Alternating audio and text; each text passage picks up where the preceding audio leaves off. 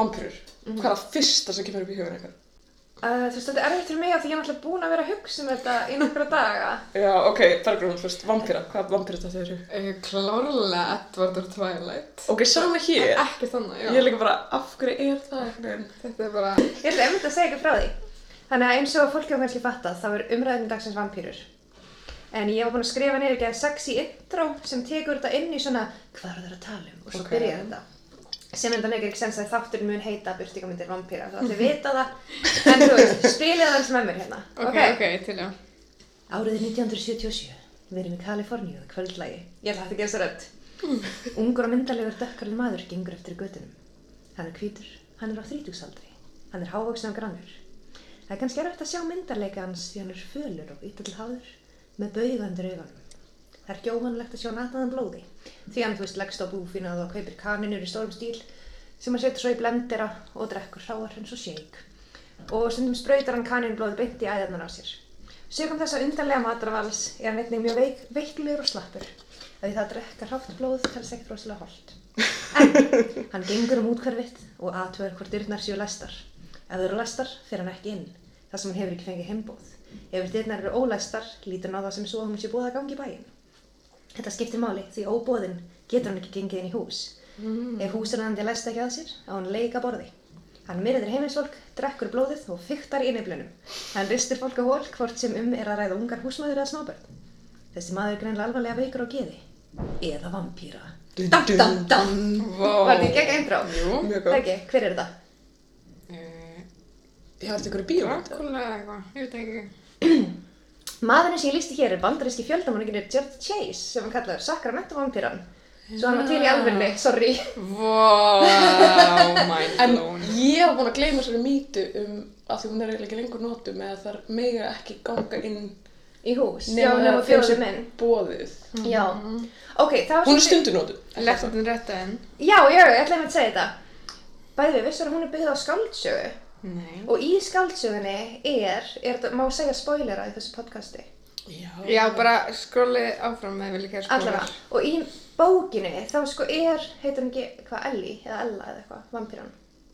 Eitthvað leys. Já. Þá er hún sko ekki stelpa, heldur gjaldur strákur sem vampýraðist upp í gegnum tíðunar. Oh. Vampýraðist. What does En- that mean? Já, þú veist, og líka í myndinu, hún segir stundum eitthvað, ég er ekki stelpa, eins og hann er eitthvað, viltu vera kærasta mín, hann er eitthvað, ég er sem ekki stelpa. Já. Og þú veist, maður er alltaf að hugsa bara, ó, hún er vampýra, en í rauninu, þú veist, strákur. What? Transpýra.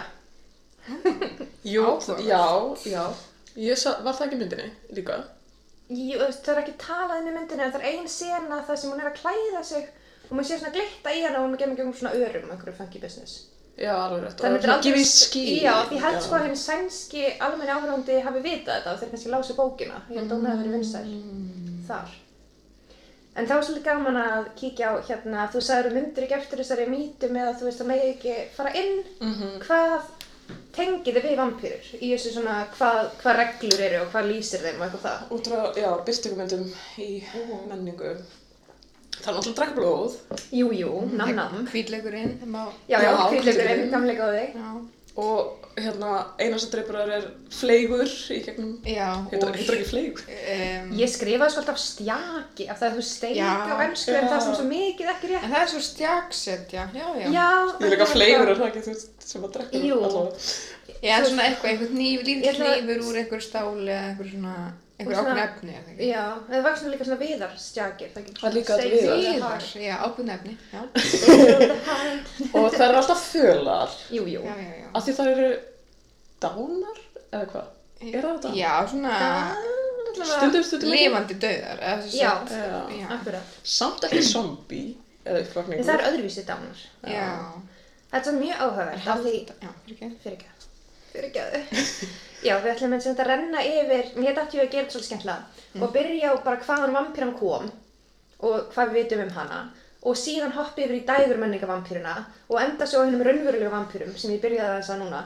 Og Ok. raun fyndi ég var að segja ykkur frá þessum daginn. Og var eitthvað, já, svo ætlum við að tala um raunverulega vampýrur þau voru eitthvað, uh, ok.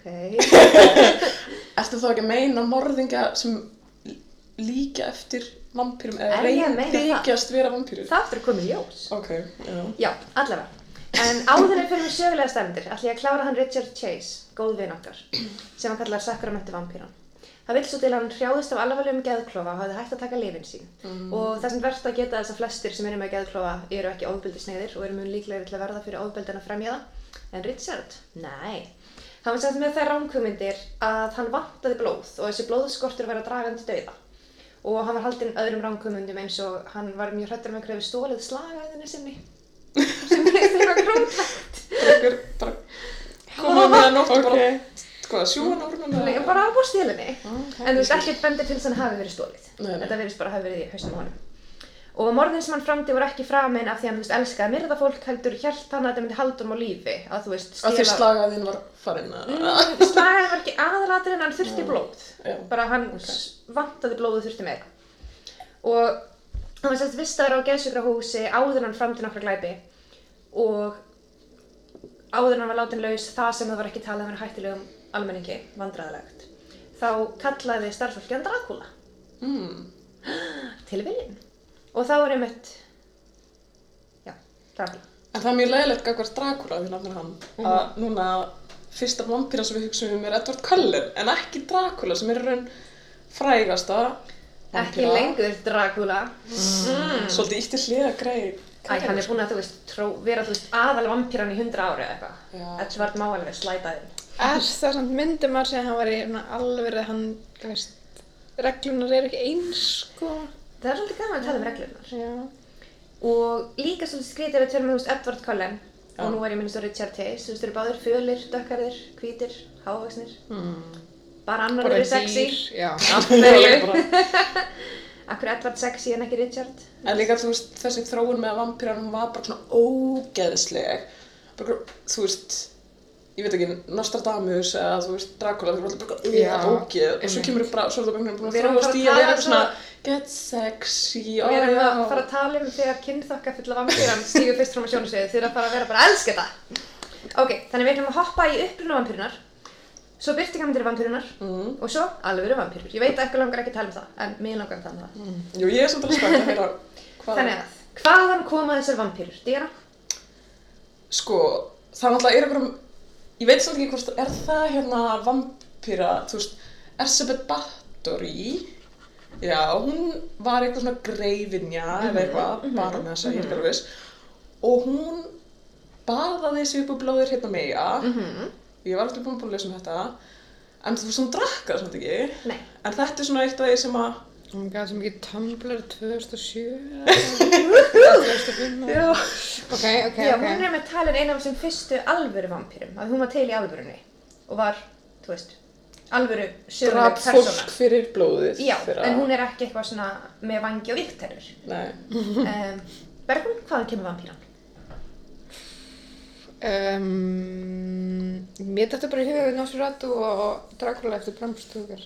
Já, sem eru allt mjög mikilvægur partur af vampýru hefðinni. En fyrsta skráða heimildin notkun orðsins vampýra, sem er það vampýr, vaffa MPYR í ennskri tungu, er frá 1734 úr ferðabókinni Ferðir þryggja ennskra herramanna, sem var gefin út árið 1745. Og já, ég tók mér það besta leifi að þýða öll ennsk heiti yfir á íslensku, Vá. eins og Rúf gerði kringum 1960. Ah, sexy. mjög verði ykkur góði. Og já, áður hefði vampýru komið fram í frönskum og þýskum bókmyndum, en eftir að Austuríki tók yfir Serbíu árið 1718 fóru nýlendu herrar að skoða þá serfnesku þjóðarhefð að greftra og drepa vampýrur. Og hlaut þessi aðtugun mikla og dreifða aðtikli á melli 1725 og 1732. Þá er talið að ennska orðið vampire, vampire? Vampire, ég með hreim, komið frá henni franska vampír, vampír. Þetta er örgulega, já. Þetta er, með íslenskuna líka, en ekki? Já, allavega, franska er vaffa MP, nei, vaffa MP YR og þíska er vampír, já. en einhver ekki þískan hrein, sem er vaffa MP ER. Ég vil bara allir vita bergrun að horfa á hreiminum með fyrirlitningasvip, um, sem eiga svo bæði... Ekki satt. ok, ég var að horfa með með fyrirlitningasvip.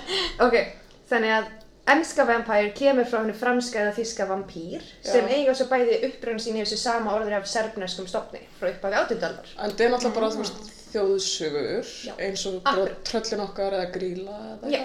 Og málið er að hugmyndin um vampýruna er mun eldri en orðið sjálft og hefur verið viðlóðandi sagna hjá mannfólksins í þúsundur ára. Þannig að Mesopotamíumenn, fórngrykkir og rómverjar, sem dæmi, sögðu sögur af djöflum og yllum öndum sem hegða sér alveg eins og nútíma vampýran en er ekki kallaðir vampýr. Þannig að það er basically sama draslið. Og þrátt fyrir þetta er talið að frumyndin af vampýrunni sem við þekkjum í dag sé að næstum öllu leiti komin frá suðaustur Evrópu frá þessari munnlegu sagnahefð. Og í þessum sögum voru vampýrur byrtingamindar ílsku, fórnarlamba sjálfsvíga sem er geðveitt bitsi og norna. Þannig já, byrtingamindar ílsku voru vampýrur, að þú framtur sjálfsvíg varstu vampýra og síðan nornir urðu vampýrur og svo gátu vampýrur einnig skapað aðrar vampýrur og illir andar gátu lagst á lík, þú veist, og gert það vampýrum og svona það klassíst vera bitin í hálsin. Já, já. Og þóðtrúin var mjög sterk á sumum svæðum, svo var lagst í svona nornaveiðalegar vampýruveiðar, þar sem einstaklingar sem taldri voru vampýrur voru teknir af lífi á almanna færi. Pæli í því. Ég finnst ekki tala nú oft um þetta. Bara þú ert fjölur. Kottu. Ok, ég ætla að hlæja svo mikið að þér núna, Nú. af því hvenær var vampýran föl? Frum vampýran, hún er sko ekki föl. Ó. Sko, þrátt fyrir að upprunni vampýrunar sé eitthvað sem hægt er að reka til flestra landa eru vampýrunar uppáflega misjafnar eftir svæðum en eiga það ákveðna þætti sameigilega og átjöndöld, nú til að lýsa átjöndaldar vampýrunni frá söður Evrópu. Rauð þetta dökkleit á hörund og út til blásinn sem átt að benda til þess að vampýran hefði nýlega drukkið blóð, svona eins og blóðsugur sem þú veist Já. sjúga mann og túkna Já. út. Það meika alltaf meira sens. Ég veit það. En vampirur kannski eru bara, eða ekki fjölar þegar eru búin að drekka Kanski. í smá tíma. En þeir virðast alltaf hafa sést, þú veist, nýdrukknar, þannig gamla daga. En þeir voru, já, En þú veist glimmerið, hvernig kom það? Já. Það er svo mikið samt eitthvað rauðleita út blásinn og síðan var því oft Bedbug. Já, um, já, eins og badbug er bara svona blóðsugur sem það setur á fólk sem það Já. túkna út og detta af þegar það er búin að drekka Oh. Akkurat. og svo er því oft lýst sem svo að það læki blóð og nösum þeirra á munni sem væntalega nýbúin að drekka og ekki búin að þurrka sér í munnin að bara ef ykkur var, með blóðnasir ég veit ekki, feitur drukkin og með blóðnarsir, þá var hann bara eitthvað... sennilega vampira, leiðilegt að segja Já, ok. bæði, bæði sem ekki frændi og já, og ef þú fannst vampiruna liggjandi í líkistu sinni, að þannig að sváfi í líkistum, eins og allir vita, var hann sennilega með vinstra augað opið. Endilega. Ég vil allir vita að ég er núna að horfa á þeir með vinstra augað. Það var mjög samfélandi. Já. Eftir. Ég veit, það stendur ekkert af Það hverju. spyrir svo Kári Stef eða eitthvað. Við kannast með vinstra augað opið. Það er alltaf veit. Ha? Jú, hann er með eitthvað svona dæmi, já. Æ, hann er bara með svona... Já, er það er er Um, þegar við séum það. Þið heyrðu þetta fyrst hér, Kári Stefáns er vampíra. sem er ekki múin að fá að drekka lengi. Já, alltaf. Æ. Og já, nú finnir lí... vampíruna slags Kára í kistunni sinni. Og Það sem hann vil vampíran... alltaf bara blóð. Oh my god! Stelpur, já, við verðum, Heyrðu, þetta er við verðum Íslensk lögsóttar. erðagrinni hvað? Er hægt að eitthvað svona kæra mann fyrir eitthvað svona? Já, nei. Nei, nei, þetta er allt í góð- allt í góðu gríni. Við, allegedly. Það má ekki segja það. Allavega, já, þegar þú kemur að Kára í kistunni sinni, Ekki segja það. ok, þegar þú kemur að vampýrunni í líkkistunni sinni, mun hún vera klætt í líkklæði sín? Og ég fann út að það er svona vafið í svona hvít lög, svona stemming, það er líkklæði. Og neglur, tennur og hár hafa vaksið sem er eitthvað sem gerist við Sem allt, gerist við alla. allt dautt fólk. Já, ég alveg þannig að þú veist, góð hugmynd. Og það er ekkert minnst á vikttennur neitt, bara neglur, tennur og hár hafa vaksið svo, útblásin rauðleitur herramaður með blóðtauma úr nösum á munni vafin líni með kanínutennur, klær og luppa fyrsta vampýran, nákvæmlega eins og Edvard Cullen. Og allar aðra sexy vampýrur Nei. Nei, ekki alveg. Ég fröst bara hún, nei, hann. Já, bitur nú við. Nei, en þetta er prototípa vampýrunar fyrsta vampýrunar en hvernig já, svo ef þetta er allt svo loðið og út um allt er svolítið erfitt að þú séu eitthvað hér er vampýran, nákvæmlega en mér var svolítið gaman að taka saman svona þessi mismöndi enginni En svo náttúrulega kemur bara eitthvað vampír blæti eða eitthvað. Já, sko. En ég held að ég geti sagt það hreint út, að átjöndu öld var enginn eitthvað, hvað er það útblásnir við þið maður? Er þetta blóðtumur alveg nösan að þér? Mm. Eða, ég held ekki. Nei, nei, þetta er alltaf bara eftir bókmyndir og Já, bíómyndir. en málið er, hvernig, hvernig verða vampýrur til? Og það meina ég ekki, þú veist, sem saga heldur bara hvernig verður Díana ávart vampýra núna? Þú veist ekki að segja það? Já, þú veist, það er eins og við heldum að sé núna, en náttúrulega það eru sjálfsvíg, það eru nornir, svo kemur í ljós að í slavneskum og kynverskum hefðum við talið að hundur eða köttur stekkur yfir líkið verður þú sannlega vampýra. Sko í flestum, í Grei þessum, allir í hóluvallakirkjugarði. ok, flestin alltaf sem að, þessar sögur og bíómyndir, það er útskýr aldrei eitthvað hvernig að manneskjan var vampíra, heldur Já. hann var það bara fyrir miljónum árum. Eða eitthvað svona. Bara eitthvað, já, fyrir 500 árum síðan, Mhm. eða eitthvað svona. Já, Þannig að, þannig að vitum við það núna að þetta var bara eitthvað svona köttur stökk eitthvað wú yfir bílslis og þá komum vampýrur. Samkvæmt kínverskum og slavneskum höfðum. En svo er líka hérna, líka var hann með sár sem eru ekki meðhandlið með sjóðandi vatni er svolítið áhættuhópi að verða vampýrur. Og í rúsneskum þjóðsögum er haldið fram að vampýru veru verur sem eitt sinn hefur verið nornir eða fólk sem hefur sett sér gegn rúsnesku réttrúnaðakirkjunni. er þetta fyrsta þarna sem það er bara eins og blóðsíking þá, Já, bara verður að hella sjóðandi vatni á sárið. Já. En sjáðu ekki fyrir ykkur, ég ætla ekki í kirkjun á sunnudaginn. Þú ert vampýra, það láti mér. og já, svo er einmitt líka ymsar hefðurinn hvernig þetta ganga frá líkinu svo en látni breytist ekki ávart í vampýru.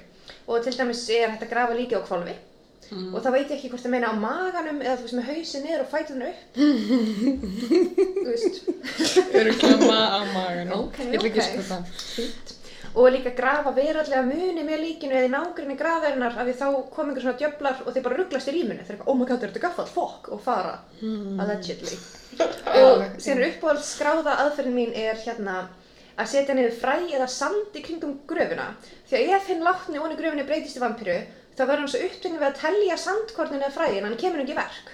Býtu, hefur maður ekki séð þetta einhvers einhver, eh, setja einhvern saltring í Ég kannan kringu að sé það, þetta á að vera eitthvað, Nei. svo eru kínverskar þjóðsögur sem segja, sko, að ef vampýra rekst á hrísgrjónapoka, þá verður hún að stoppa og telja hvert einasta grjón og kemur ekki verk. Þannig hún er Ok, líka bara með OCD, þetta er gegn. Já!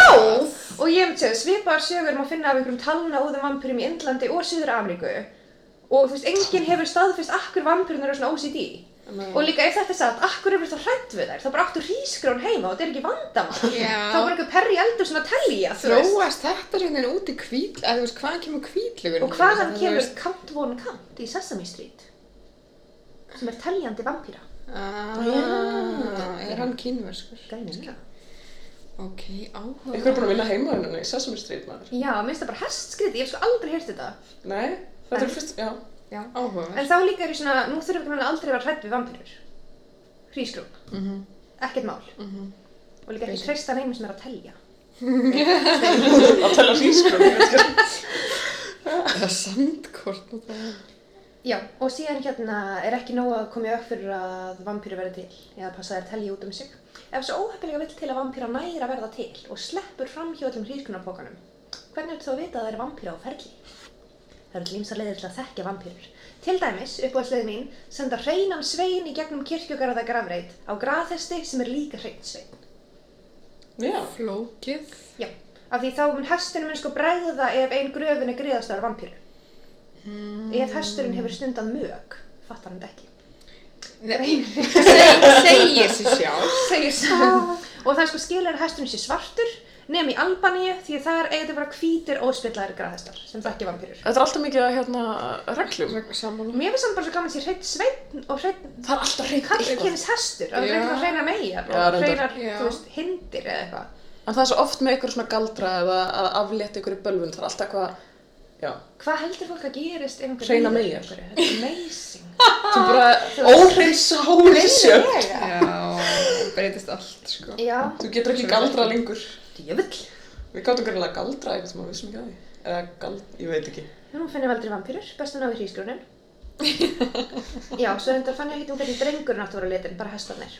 Nei. Og svo þegar þú skoðar líkið, þá er þetta að finna út á líkinu hver er vampýra og hver ekki. Og segi mér nú, hvernig spottar þú vampýru sem er lík? Eða þú veist, hvaða lík er vampýra? Ok, segjum við með, sérst, með fimm líf. Það eru fimm lík, það er búið að stilla þeim upp í svona usual suspects, læna, hver er vampýra? Ding. Varst ekki að segja sem er með opið auga? Nei, Það er einlega, Já, en við erum ok. að leita á öðru svari núna. Já, ok. er, Það eru komin hint. Þeir eru rauðhærði einstaklega. slander. Um, Það er alveg sennilegt líka. Ég meina með að við hjátrú fólksins á þessum tíma, sko. En besta leiðin er Ok. að hún er ekki rótnuð. ok, sjálfsög. En bara nýjasta líkið það? Að hún er ekki dáin. Þú veist, það er, vampirur Já. komin inn í hann, hún er eitthvað du-du-du-rullu-rullu-du-du. Vampir kom inn í hann. Ég veit, hann er orðin af vampiru, þannig Já, er ekki lengur bara eitthvað lík. Já, já, já. Og svo gæti hann líka verist ekstra bústinn og sælegu. En er það ekki þannig að þú verður vampíru svo, eða þú veist, þú deyrð og að rétt án og deyrð þá breytist því vampíru? Nei, þú deyrið alla leið og svo breytist í vampiru í gamla daga. Í gamla Það er fólk verður að passa líkið, þú veist, ef þú deyrið núna, þá fyrir ég og Díana frík út að ná í hrísgrjón og Já, grafa það á kolvi og bara allir pakkir, Já, sko, og sjóða þig. Þannig að þú verður ekki eitthvað. Já, Já, fyrir ekki ásækja, ég hugsa um bellu. þú varst að hugsa um Twilight. Maður er bara fastur Ég vil ekki Ég er vera leiðileg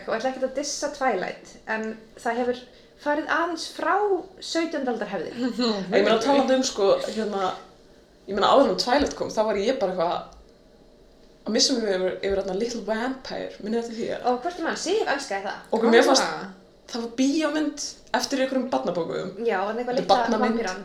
og ég var náttúrulega, ok, ég var, Jú, byrju, já. þú veist, ég var okkur 11 ára að horfa á þetta og ég meina krakkinn sem leik vampiruna var okkur 11 ára líka og ég var hans að er að þeirra vampíru. Ekki 11 ára. Ég hlustaði ekki á þetta allt, ok. En já, þannig að þú veist, það var fyrir tíma, Fyrir tíma. Twilight. Já. En það hefur Það verið var sexy. Little Vampire, Ég skal bara já. segja það, það hefur verið sexy mun lengur en Twilight. Við förum nálega út í það þegar nær dregur. Ok, er einhver að heyra grunnsamt hljóð? Er það bara Já, ég? það er líka. eitthvað tónlist í gangi, sko. Ok, allt í lagi, grunnsamlega hljóð. Já, og þannig er það, þau hoppum aftur í vampírsku líkinu er sennilega minna eða ekki drottnuð og bústur hún sælleg. Og stundum, þegar opnaði gröfi eigu vampíru, er hún þakin blóði. Duh. Það var vantilega, já. Já. Já. Gröfin eða vampirinn sjálf. Vampírana, það get ekki bara þurrkað sér í munnin og komist hjá því einhverju grunu þær. Það er alltaf bara aftur hún í jörðina. Já, í þessu líka verðist vera að þú bara opnar einhverja randomega skröf og vill svo til að einhverju er ekki rotnar og þakin blóður, sko, ó, sýtur alltaf vampíra. Ég meina, hversu oft voru þeir að aðtuga? Voru þeir bara, já, já, alla oftar það aðtugum við. Alla grafindar. Oh my Það god. hljómar alltaf að þannig, þetta hafi verið geðvægt oft, en alltaf vitum að Austuríki tók yfir Serbíu En að grafa og var að segja þetta um Serbíu, þannig kannski var þetta bara svona, Ætla hafi ekki verið meira þegar eitthvað óutskrifinlega döðsfall varð. Er það ekki? Díana, Þá- lastu glósitan mínar, af því að besta vinsbendingin um að sennilega vampíra var á sveimi var að búfínaður og eða fólk fannst látið. Já. þá fór fólk að skoða. En ég ætla að segja að Austuríki sem hann byrjaði að segja þetta um fólki í Serbíu eftir að það tók yfir Serbíu. Þannig kannski er þetta svona, þú veist, uh, allir í. Afríkur um mannætur sem þú veist breytar sögðu þegar þau tók yfir. Já, Þú veist, kannski er þetta ekki beint svona rosalega satt eða mikið mál. Nei, einmitt, það getur verið spurning að það sé bara eða ekki satt. Þetta er náttúrulega smá nortna við þar. Já, þú veist, kannski er líka að sjá þess að serba alltaf að leita einhverjum vampýrum, fá því hrísgrjón, þú veist. Já, já, já. alveg þetta er alltaf hljóma smá eins og þessu nornirnar. Já, en það verðist alltaf að hafa verið þannig í Serbíu á þessum tíma að ef einhver er að drepa kindur eða, þú veist, frændaðinn, þá er þetta vampýra. Náum í óspjallaða græðastinn. Hratt. Hvíta. Ég meina pældi, Yes. ok, nú ætla ég að vera svolítið, já, kannski ekki classy núna, en þú veist, pældi hvað var auðvelt í gamla? Að þú gast bara eitthvað, ó, ég hata, þú veist, ég veit ekki, frænda minna eitthvað, ég ætla að myrða eitthvað. Mhm. Og þú gast verið bara eitthvað, nei, það er bara vampýra maður. Já. Það er bara vampýra á sveimi. Sér þetta ekki fyrir þér? Þú er bara eitthvað, herru, haldið ekki ef sé ægi sofandi með annaði að opið og gett sítt, þá er allir bara, drepa hann, vampýra. En, Já, eða það, láta einhvern annan lýra, það er Já. að sniðra. en sko, fyrsta ráðið sem ætla að vera með vampýru varnir. Veist, mér finnst það ekki mikilvægt að við erum búin að leysa þetta með hrísgrjónunum, bara eitt póki fyrir utan hurðina, enginn kemst inn. En hvítlaukurinn varð mjög útbreytt vampýruvörn. Og en fólk er ekki saman um hvort þegar borða hann eða nota hann sem skraut. Ég margir eitthvað svona inn í gluggan, er það ekki Já, máli? það er svona kramsa í gluggan eða í allan mat. Og sínur greinar villirósarunna eitthvað sem getur skadað vampýrur, svona slá þeir utandir. Og svo var svolítið notað að dreifa sinnefsfræm á þakið. Já. Þið kannast við það? Jú, jú. Hvað er það að Það gera er bara með það? Það er bara sinnefsfræm á Bara þakið. búið að krydda það ekki. Já, þetta er alltaf þeir verða að telja, þeir ágirðið sig. Og þegar kristin trú reyðsettir um þá fór fólk að telja að kristi dót geti hjálpað við vampýruvarnir eins og og krossar, kannabönd, já. víkt vatn. Og já, vampýrur taldar ófærar um að ganga víður í jörð og geta ekki farið yfir ár. Ok. Veit ég hvort það er að þau kunni ekki að synda, hrættar ekki ströyminn, víðar ár. En hvenær kom þetta með þetta að byrja þeim inn? Það er bara, kemur Er það það? Þetta er svo mikið af mismunandi stöðum sem þetta kemur frá. Já, það er alltaf með mismundi reglur, er Já, það eins og það kemur, það er einhver staðar í Austur-Európu, þá verður sko húsræðanda bjóðinu inn, en þegar hann hefur henni einu sinni þá getur hann komið að fara þess að hún vill. En ég fann það bara einhverjum einum stað. Já. Þannig að ég get ekki lofa því. Og í suðum menningum er speillin talin duga sem svona leið til að spotta vampýru. Því það er sjást ekki Já, spekling. og vampýru eru ekki með speilmynd þar sem það eru sálarlausar. Og þetta er eitthvað sem Bram Stoker notaði í Dracula. Þannig að það var svolítið vinsalt. Mhm. Spegla. En ég skil ekki alveg. Oh my god, ég fatt það. Þess vegna er alltaf með blóð í andlitinu þegar þeir eru búin að borða. Að þau get ekki séð sig. Ah, Ég. Ég fatt það ekki. Æ, greið. Er ekki að finna, ég meina, ef þú ert með sósi í andlutinu, finnur þú ekki fyrir? Ekki alltaf. Nei. Það hefur alveg gerst allavega einu sinni í lífið minni einhverju er með sinneb á hökunni og ég er bara svona skrimsli. Ég lendi ég líka. Bara sinneb, bara þakka. Það var hakan sinni. En já, og vampýrur hafa líka alltaf verið næturgoltrarar, en það er ekkert í neinum heim Nætur hvað? goltrarar, segir það ekki. Æ, ég er enn aftur eitthvað afstand sem fóröldarinn mér segja og ég vissi ekki. Galt, ég held Erum ég við ekki með næturgöld? Ok, ég er að heyra þetta núna, þetta er ekki orð. Það er ekki orð, sko. Nætur í göldur, kannski. ég Ok, afsakið. vampýrur hafa alltaf elskað að vera fótum á nóttinni. En þó er ekkert í þjóðsjón sem segir að þú er lengi sólarljós. Nei, eins og það er bara... Þannig já, eins og í Dracula þá getur hann alveg verið að hann bara fílar nóttina. Þú veist, hann vill bara standa í tungsljósinu og vera eitthvað, mm. Ég hérna, já, þú veist. Já, bara stemming. Náttúrulega í flestum þessum bíómyndum og bókum þá er alltaf bara svona bara "Ah, eitthvað að brenna. Já, það er svolítið nýtt. En sáu þið, eða hafðu þið þegar þættin hann að hitta ekki Dracula á Netflix?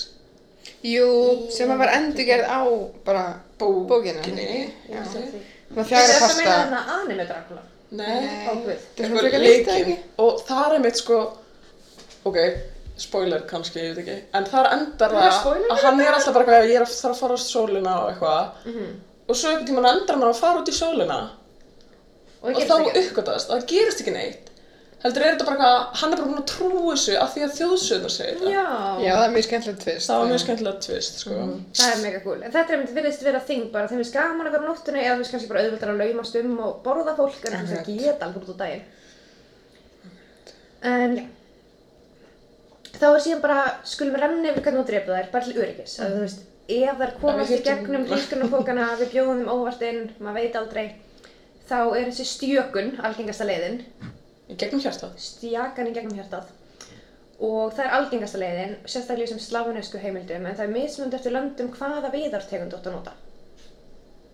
Já. Já, og stjakar með stungið í hjartað allstaðar nema í Rússland og Norður Þýskalandi var þarna stungið í munnin sem var svona frekar næsti. Upp í heila það. Nei, ég veit ekki, það stendur bara stungið í munnin og ég var ekkert eitthvað að googla eitthvað How do you stake a vampire mouth in Russia? En sko, þetta er alveg áhugavert út af því að þú til þess að drepa uppfæminga þá verður Heilan. Heilan. Já, En með vampíru þá verður að taka hjarta. eða munnin. En já, og Já, það tengist, nei, já, ok, fyrir ekki. en það er líka að vera ekki með sál og eitthvað svona. En já, og svo í Ég norður... pumpa blóði, ég veit ekki. Já, Já, ég veit ekki, ég er eitthvað svona Þannig að að þetta. eru ekki með blóð. Ég Nei, það er ekki með blóði þannig, eða ég veit það ekki. Þeir setja alltaf að borða eitthvað mannakjöf. Þeir eru alltaf að borða brains. Já, þið vilja bara Mm. brains. Held að það hefði verið þýtt á íslensku, svona í texta. Heilar. Heili. Nam. Allavega, í norður Serbíu þá var best að stinga þér í magan. Það sennilega. Og málið er þú verður að rjúfa húðina, það er aðal atriðið. Og þá ertu svona að hleypa á loftinu eða blóðinu úr þessari útblásnu vampíru. Þannig sjáðu fyrir ykkur blöðuru fulla af blóði með viktunur sem springur. Hvað mennur rjúfa húð? Auðvitað að rýfur úr húðina þess að stinga. Ekki stingur hann í magan. Eða kannski er þetta bara svona killing vampires for dummies, svona stjakað hann að passa það að rjúfa örglega. Passa að fara í- það fari í gegn, Farðu í gegn, ekki þú bara pót. Það er ekki ekki. potið hana. Já. Ég veist kannski bara stingdu stjakan með hjartátt, blúpp, í búin, þú veist, ég veit ekki. dummies. Allavega, þannig já, þetta snýst um sko að, þú veist, hleypa úr henni blóðinu. Já, Þú ættir já. að stinga á henni eins og graftarabóli. Af því hún er eins og graftubóli, svo svo. Alltaf svona útblásin, gamaldags vampíra, eitthvað rauða útblásin. Ok. En já, svo í Þýskalandi og vesturhluta slavnesku landana var talið öryggast að aðhauðsa vampýruna alveg þurr búin Já. drepana og grafa höfuðið aftan við rassinn. Já. Ég er ekki að djóka. Ok, svo gott. En þetta er frábælega til að passa andin fari hratt úr líkamannum og finna ekki leiðina tilbaka. Og sín líka gáfulegt til öryggis að negla höfuðið fötin eða líkamannu við jörðina hún get ekki riðið frá döðum. Þannig að við segjum að komi óvart vampýra, og þá er hún eitthvað á leiðinu upp að borða alltaf en hún er neld niður þannig hún Hún kemst ekki. Já, en það skilja ekki að hún neld ekki bara alla niður í staðan fyrir að fara gegnum alla þessar serimónýr og hvað grafa allir með einhverjum grafathestum en já, já síðan hefur það gerst að það hafa fundist alls konar skrýtnar grafir frá þessum tímum sem ítir svolítið undir að það sé satt eða allavega hjátrún sé sann þú veist það hafa fundist einmitt alls konar niður neldar þú veist, svona beinagrendur þar sem kviðarhólið var, var fyllt af málmhlutum og sem einhver eins og með múrstein í vönnunum. Ég held bara að fólk, fólk í gamla þetta hafi allt mikið tíma. sko. Já, sammála. Já, því við gerum alltaf gáfilega hluti núna. Ég var alltaf ekki tíma til að setja sinnefsfræ á þakki á húsinu. það tekur enga stund. Bara kasta þessu. En já, og síðan, ef þú, ef vampíra vandamáli vilist ekki vera að leysast, þú er búin að afhausa, grafa bak við Og rassið. einhver, einhver, er alltaf að deyja. einhver er alltaf að deyja áfram, þú veist, kindurnar kannski er það einhver lífandi. Dína, látt ekki svona og þú veist, þá er hérna fínt að taka þá lokar á það hluta líkið í sundur, brenna það, blanda það í vatn og deila hlutunum á fjölskyldumæðlimi Til að gera hvað við það? ég veit það ekki, ég fann ekki hvað það að gera við það ég hugsaði bara drakka það, en þú veist ég von ekki. Þannig að hver er fjölskyldum með mér í bænum ætti hér er glas af ömmu vampíru díjana mín ætti vel til. Já. ég veit ekki að hverju. En svo er sko í Saxon hér að Þýskalandi. Er besta vampíruverðin og heldur einhversi vampíra. Settu sítrón í munnin á honum og þú veist, á undan, þú veist, eftir allt sem undan hefur gengið eitthvað stjakar og lík og afhausa, Svo þá bara eitthvað svona, finnst þetta ég er ekki eitthvað skrítin, jú, herðu hérna, Dína, fáðu gíra tónik, hver sítrónu, ah, þú veist. Það er mér svolítið gróðlegt, þannig ef þetta er vampirur á 17. öld, verið vampirur í Saxon hér að í Þýskalandi. Já, kannski, nei, kannski dóða þær við sítrúna. Kannski. En mér finnst það bara svo sætt, það er eitthvað, hvernig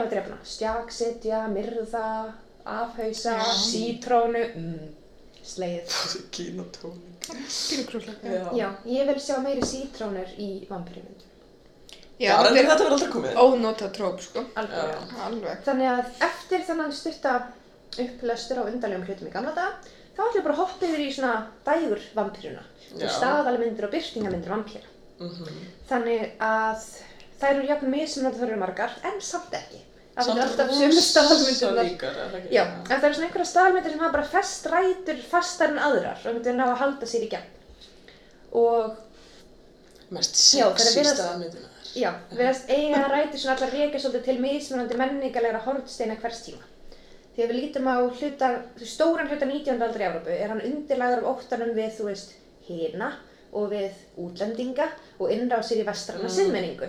Og reytindar þeirra tíma eins og bara H.G. Wells sem skrifaði þarna War of the Worlds, þú veist, eru bara að mala gull á sögum um skrýmsli af öðrum heimis koma inn í landi þitt sem er ógeðslega fyndið. Af því það eina sem englendingar gerði var að fyrir inn í lönd allra Já, annara nákvæmlega, og verið með oh geggjaðan dólk þetta er bara svona eins og núna þegar hvítt fólk er geðveitt hrætt við að svart fólk muni taka völd og gera við okkur það sem við erum búin að vera að gera við þau. Þú veist, Nákvæmlega. við erum hrættust við okkur sjálf af því við erum skrýmslin til ham ekki England þannig já, þeir eru allavega ógeðslega hrættir um skrýmsli sem var að koma inn í England Frá öðrum löndum. Já, frá öðrum löndum, bara. Og hérna staðalmynd inn með stórum staf er auðvitað. Ertu að meina vampýruna? Já. Já, við erum að tala um vampýruna. Nei. Æ, ég var að vona um að segja Dracula. Já, já, Dracula. Dracula. Já, Ekki Cullen. Nei. ég var ekki hægt að segja Dracula. Já, staðalmynd inn í gegnum árin er Dracula greifi. Já. En það er persóna sköpuð af skoska reythöfundunum Bram Stoker í samnefndir brefaskriftaskáldsögu frá 1897. Er eiginlega ekki allt byggt á Dracula, þú veist, alla byrtingum í þetta, er alveg byggðar á Já, sko, Dracula? Er hann ekki svolítið grunnurinn? Hvað sa- hvað ár sagði 1800? 1897. Já. Fyrsta vampýrsagan er Carmilla sem er lessu vampýran sem var bara ekkert rosalega vinsæl Nei, nei. og svo er Nosferatu sem er bara eitthvað of þýsk Já, hann, Og svo er kemur Dracula. 1900, kemur hún í 1929, eða sko, Jú, ég var að bíómyndin. var ekki bók um þetta? ég Jú, kannski. Það var þessi Dracula bara fyrsta sem varð vinsæl. Þú veist, það voru já. einhverjar aðeins á undan, Já. en Dracula bara, þú veist, af hverju var hún vinsæl? af því að hún er basically bara illa dulið útlendingahatur Ah. og, þú veist, nationalismi. Og það er það sem fólki vildi lesa. Mm. Af því að þetta er, þú veist, hann er, er frá... já, þetta er sko aðalpersona er hann Jonathan, eða Jónatan í minni þýðingu, sem er breskur herramaður sem Mhm. fer til Transilvaníu, sem er austur land. Sættur hann að fara... Já, nei, hann má annars- fara sko, því hann er breskur og hann er svona herramaður. Já, ok. Hann fyrir austur Lord. land og hittir Rómafólk sem er eitthvað svona skítugt og ógislegt eins og maður á að venjast og hann hittir Dracula Greifa sem er þarna í Transylvaníu og hann er undarlega loðinn með þykkar augabrúnir og sem er næstum samvaksnar yfir nefinu með þykkt krullað hár og hákollvik og hendur sem eru loðnar, meira að segja loðn Má maður aðeins, skilju? Hvað, hvað verður loðin loðan? Nei, bara vera loði. Nei, það má nefnilega ekki vera loðin að þetta er svona bara af, þú veist, ekki breskum herramennum sem eru ekki loðnir samkvæmt þessu. Heldur þú veist kannski frekar rómafólk eða gýðingar líka oft. Og austuræfust fólk bara svona staðalmynd af einhverju skítum loðnum útlending veit ég hver fatta þetta upp, já, nákvæmlega og já, og hann einmitt er loðin og dökkur yfirlitum, eitthvað sem englendingar álitur sem Ég ætti að taka fram að við erum að vera kalt hennar. Já, ok, Já, það væri en kannski fínt Bara svona, já, bara sorry, þetta því bara, já, ok. Ha- ég vona allir fótt. Já, ég vil Já, ég kasta vona- því fram að ég held ekki að gýðingar og slavnest fólk sé loðið heldur er það gömul staðalimynd sem er notuð af fólki til að hata þá. Já. Er þetta betra? Ok, takk. Verður eitthvað? Ég var með sko stráki í skólan múti sem að var frá Transylvaníu. Það var svo ógeðslega fyndið. Ég veit ekki auðmýkja en mér finnst eins og Transylvania sé ekki alveg land. Já, þetta er núna bara hér að inn í rúminu eða eitthvað Æ, þetta er Já, smá eins og því að Frankur frá Kazakstan og eftir að Borat kom út er þetta bara, Já, fram að því var þetta bara fínt land. nákvæmlega. Já. Afsakið, já.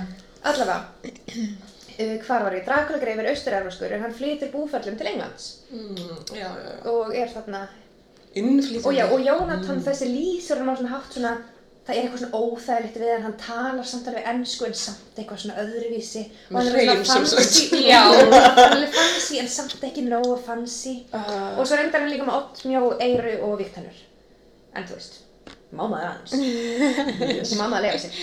Og já, hann er hitt, hann er útlendingur. Hann er hokk og hann ætlar að býta kærustmannin í hálsin og þetta býta í hálsin er náttúrulega mikið og merg sjúa allt út úr Nákvæmlega, þetta er svona, segir maður efnahægin. penetrational myndlíking.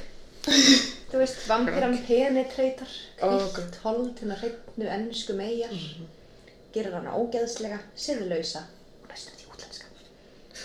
Allavega, þannig þá erum þetta Dracula sem er vinsælt af því þetta er bara örlítið farið útlendingahattur og allir er bara, oh my god, ég er svo hrættur Terrifying stuff. Já, og síðan, árið 1931 skellti henni fræja og blóðþristi greifi sér á hvítátjaldið Woo! Leikinn um ungverska Bela Lugosi. Og ég get lofað ykkur, ef þið lokið ykkur um að sjá fyrir ykkur Dracula þá er það að sjá fyrir ykkur Bela Lugosi. Já. Sem er einmitt þessi, þú veist, vaskreiti, svona myndalegur, svona. alltaf með svona svona er svona- já, já, já, já. já. það er Bela Lugosi. Og með svona upprættan kraga. Og hérna kveikmyndin Dracula var gríðarlega vinsæl og það er oft, er oft haldið fram að hún sé fyrsta hryllingsmyndin sem bandarískur almenningur bara sá í stórum stíl. Það er líka þú veist 31 stóra efnahagskreppan er aðeins búin, fólk getur farið að trýta sig í bíó. Það er svolítið hrætt fyrir útlendingar líka í bandaríkjónum. mm. uh. Og já, þannig að hann, Bela Lugosi, er einmitt austurjáðskur, já. eins og hinn upprænulegi Dracula. En, ég er nú ána með að, eða svona er það ekki smá gott? Ég veit ekki þú veist, oftast er það bara bandaríski leikar að leika Já, veistu, með að við þeir léku alla, þú veist, hvað segir maður, Native Americans og Já. asíst fólk var allt bara, þú veist, hvítt þá fólk. kemur þetta smá á óvart ef Já, því, Þetta eða er hvað? hvítt fólk í racist face. Það er alltaf fengt að fengu hann. Já. Props. Já. en svo, á 18 ára tímbili, frá 53 til 78, lék breski leikarinn Christopher Lee Dracula greifa í átta bíómyndum um Dracula. Vá, ha, Já, Ah. þannig frá 57 ég meina, þú Nei, 53 til 78 sem er 15 ár lék Christopher Lee Dracula átta sinnum í átta misandi myndum. en hvað er alltaf bara framhald? Annars dagur. Hann drefur fleiri Ég er ekki við þess að bara Dracula, hvað er að gera hérna? Ég fór Dracula mynd, þegar ég verða það fleiri vampýrur. bara til að drepa fleiri En þá Þú veist, hvað gerist í myndinni? svolítið- Ok, hvað gerist í myndinni? Hann býtur fólk í hálsinn tíuna. Hann gerir hrísgrjón. Hvað hefur hann verið? Nei, hann, gerði hann það? Nei, Nei, ég ekki það hann gerir það ekki. En, Christopher Lee. Takk eftir einhver mun á Bela Lugosi og Christopher Lee.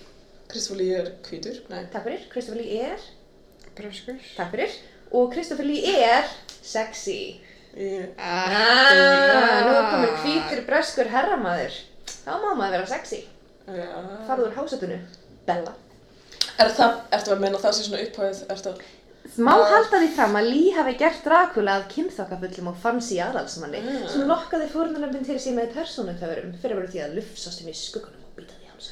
Hvað þannig að þú veist, vampíran gæti raun ekki fengið að vera sexy fyrir hún var hann hvít og, Og bresk, bresk ykkur aðals Já, sko. Það er ekkert sexy nema þessi hvítur breskur aðalsmaður. Pæli líka því, þú veist, eins og Kalt henni er ekki aftur. líka flesta vampýrur sem eru svona sexy í dag eins og Cullen, þá þurfa alltaf bara moldríka. Nákvæmlega. Ok, það er náttúrulega það er eitthvað svona, að já, þeir eru búin að, þú veist, lífa í 500 ár þannig að nættu að vera ríkur, bla, eitthvað. Ok, samt. En samt er þetta bara eitthvað svona fantasía. Ég veit það, og Um, þú veist, fantasía bara, er... hann verður að vera ríkur til þess að hann sé sexy eða eitthvað, er það ekki? Sko, ef ég fara reyðingur um 500 ára manni þurfti hann alveg að vera hastríkur til að við komum í Ok, ég ætla að reynda að segja það. Ef, ef ég var svona, svo einhverju vampýr sem, þú veist, það var alveg betra en hann ríkur. Líka, ég er að pæla í sömum hlutum, eins og bara, þú veist, kringum 1700, þú veist, hreinlæti standardar voru ekki mjög háir. Hefur þessi vampýra þróast með tímanum og byrjað fyrir sturtu, eða er hann ennþá eitthvað að sturta er bara vittleysa og er bara ógísleg? Hún hlýtur að þróast með tímanum, eða ekki? Ég veit það ekki. Þú veist, mm. ég veit það ekki. Það er eitthvað að pæla í. En já, með Christopher Lee var vampýran sexy. Að hann er ekki austur-afskur og loðinu villimaður. Getur fengið það bjögglu sem ég ít á þegar það kallt það Ég að Þessi þið sjáið- tveir sem að hlusta á þetta kannski vita alveg að við erum að djóka. allir sem hlusta á þetta þekkja okkur rosa vel. En hérna, já, þá sjáum við þetta frá 53 til 78 er Dracula verið sexy. Mhm. Og úlingamarkaðurinn er svo næsta sem lendir í oddkvössum tönnum vampýrunar og já, Svo ég flissaði unglingamarkaðurinn- fyrir að skrifa þetta. Unglingamarkaðurinn byrjar alveg núna 1950. Nákvæmlega. Og hann liggur vel undir tönnum. Gott að marka setja, sko. Já, Ah. og það er úlingaserían Dark Shadows sem er framleitt frá 66 til 71. Dökkir skuggar. Ég hef heyrt um þetta held. Já, og þetta er alveg úlingadrama með vampýrum í aðalhlutverki sem fjalla um unga stúlku sem lendir í klóm vampýrskrar fjölskyldu að það verður ástfangin af sinni þeirra. Hljómar þetta kunnulega? Ég, Já. þetta er líka smá rúmi og Hún hétt. Svella Bán. Nei. Nei. Sorry, ég var, Svenna. hún var Svella Fun. Allavega, þá langar mig að gæjast aðeins yfir á Blackula. Blackula. Já, ok. Það er Blaxploitation útgáfa Dracula. Ah. sem er gerð upp úr 70 þegar Blaxploitation var að trenda og basically eru allar dægumenningar og bókmyndavampýrur hvítar fyrir einu og Mhm. einasta Já. nema ég held ég skrifað eitthvað af vampýrusögum í Asíu sem við bara fáum ekki mikið yfir hingað þannig ég ætla ekki að vera alveg algjör dóni og segja þess ekki til, ég ætla bara að segja að ég veit meira ekkert um þær af því að ég er vestrætt forréttinda pjesi með húar Náttúrulega, ok, við erum núna að ræða byrtingamyndir, þú veist, allar byrtingamyndir sem við þekkjum því miður eru flesta vestranar. Já, og þannig að við erum með Blackula, en hann bætti eiginlengu við og gerði þeir ekki neitt. Þetta var bara Christopher Lee nema það var svartu leikari aðleikan. Þannig að það var ekki beint svona svört menning tekin inn í þetta eða eitthvað svona nýtt tvist á söguna, Nei. en auðvitað mjög fínt að geta séð þú elskar vampýrur að fínt að hafa eitthvað svartan að gera þetta líka. Að vera með aðra byrtingamyndi eða þannig. Já. Og þá erum við komin nefnitt eins og ég sagði, á 8. áratug síðustaldar. Og þá kemur Stephen King og Anne Rice, sem eru tveir bandarískir hryllingssagna höfundar og þeir fyrir að skrifa vampírasögur sem gerast í bandaríkjunum. Dam, dam, dam. Þetta er aldrei gerst áður. Já, neha. men- já, það verður alltaf verið eitthvað svona, Þetta er alltaf eitthvað dularfullt og frá, Frá öðrum heimi eða kemur innflutt eða eitthvað. En núna er þetta bara, sko, King skrifar Salem's Lot sem basically bara eitthvað chillað útkvöru í Massachusetts og allir bara eitthvað, ah, vampíra, hú! Þú veist, þetta er í fyrsta sinn sem þetta verður svona hverstagshryllingi og þær vampýrur fylgja voða hefðbundum reglum, svona þær með ekki koma inn nema þú bjóðir þeim, þær fara um á nóttunni, drekka blóðið, sofi í líkistum, breyðst liðublökur, allir pakkin. þú veist, mér er svolítið þarna að þá fyrir, já, þú veist, hún fyrir að vera hverstaslega, hún svona, Já. hún blandast inn í samfélagið. einmitt. Þú veist ekki hver vampýra það. Algjörlega, hún er ekki lengur eitthvað svona út tútnaður gaur með blóð rennandi um allt andlit. Líka, þú nú er veist-. Þú veist, Dracula húsi. býr í einhverjum kastala og er svona svolítið, Já, einmitt, það er svolítið svona ósnertanlegur. já, En hjá Stephen King er þetta bara eitthvað, já, Gulli, farið í skólan, ah, vampýra, þú veist. Og gott dæmi, takk. Og Anne Rice, hún gerir svolítið þér sem Christopher Lee byrjaði að gera. En hún tók á næsta level. Hafið heyrt um Interview with a Vampire? Já, býtur Brad Pitt. Bara sexy ass vampire. Brad Pitt. Hver Hver er er, líka Tom Cruise? Æ, Tom Cruise er eitthvað sexy, sorry. Er það? Ég meina hann sexy. Það var að sé Hann í þessari mynd. þótti það áður fyrr. En, Já, hún skrifaði... Já, Anne Rice skrifa samt a Vampire. Og það gerir hún það sem við öll beðið eftir. Á þessar vampirur duga engin gömul húsráð. Það er engin hrísgrunarpokar og úti á Sé svo fræga. og get ekki verið úti á daginn og Svo geta þeir, og þessi engin hvítleikur, engin viðarstekar, þetta eru fyrstu vampirur sem koma og einhverju er eitthvað, ég með viðarstekar, það er eitthvað los trúir því, þú veist. Að þær hafa líka heyrt sögurnar og það vill svo til að það er ekki sannar. Já. Og þær geta líka flóið. Og þeir drekka dýrablóð en ekki mennstblóð af þeir eru mannvinir. Og svo eru þær, fyrstu vampiruna til að vera miklu sætari, klárari, hæfileikaríkari og meira sexy en nokkur manneski getur nokkur tíma verið. Þannig að bara ekki bók vampýrur eða? Nei. Segir það ekki, segir bara að þeir drekka stundum dýrablóð, svo getur það afstöðina þeim. Það fyrir ekki að dýna, mér langar að ríða þér og ég er amazing. Þú, en þú borðaðir emma mína, nei, nei, ég borða bara dýr, þú veist. Já. Þannig svona, reddar þessu aðeins. og já, þannig það er, og það er lifað eilífu. Að það er eitthvað sem er ekki jafn stert talað um fram að þessu. Að það gengur út á að drepa vampýruna með stjaka eða einhverju dóti, en það er einhvern sem segir að þú gera það ekki ef hún lifi bara í mörg þúsund ár, þá kannski bara fer hún á vampýru öllu heimilið og. Er það ekki svolítið gefið ef hann er lifandi hvað? Það er bara ekki talað um það. Það er bara aldrei skil. nefnt eitthvað, við dref ekki Dracula þá lifir hann til 2079, þú veist. Nei, ég skil. það er bara eitthvað, ó nei. Þannig þessar vampýrur lifa í lífi. Og það er líka í við vampýr sem er einhver svona, þú veist, 12 ára vampýra sem er samt 300 ára sem er að ríða öllum, það er sjúkla tæft. Já, Oh það er gælan. Mhm. Hver, er- hver er leikur á sig? Sem er tönnina, já. Kirsten Dunst. með tönnina. Með ekki er. tönnina? Hún er með svona einu tönn. Á, ég aldrei tekið eftir því. Takk ég eftir því næst. Ok, það er tæft, var ekki, herru, já. Já, það er það eitt svona svolítið tæpast að vita, sko. Og, já. Og ef þessar eiginleikar, já, þeir eru líka klikka romantískar og góður í rúminu. Glemt að segja það. En mér finnst þeimið, þú veist, það Er líka það? kannski það sem heillar við vampýru er þessi, þú veist, að þar eru þau síðan alltaf inn gett ungar og það Já. verða eilífi ungar. Algjör, Þessi eilífa algjör æska. beib.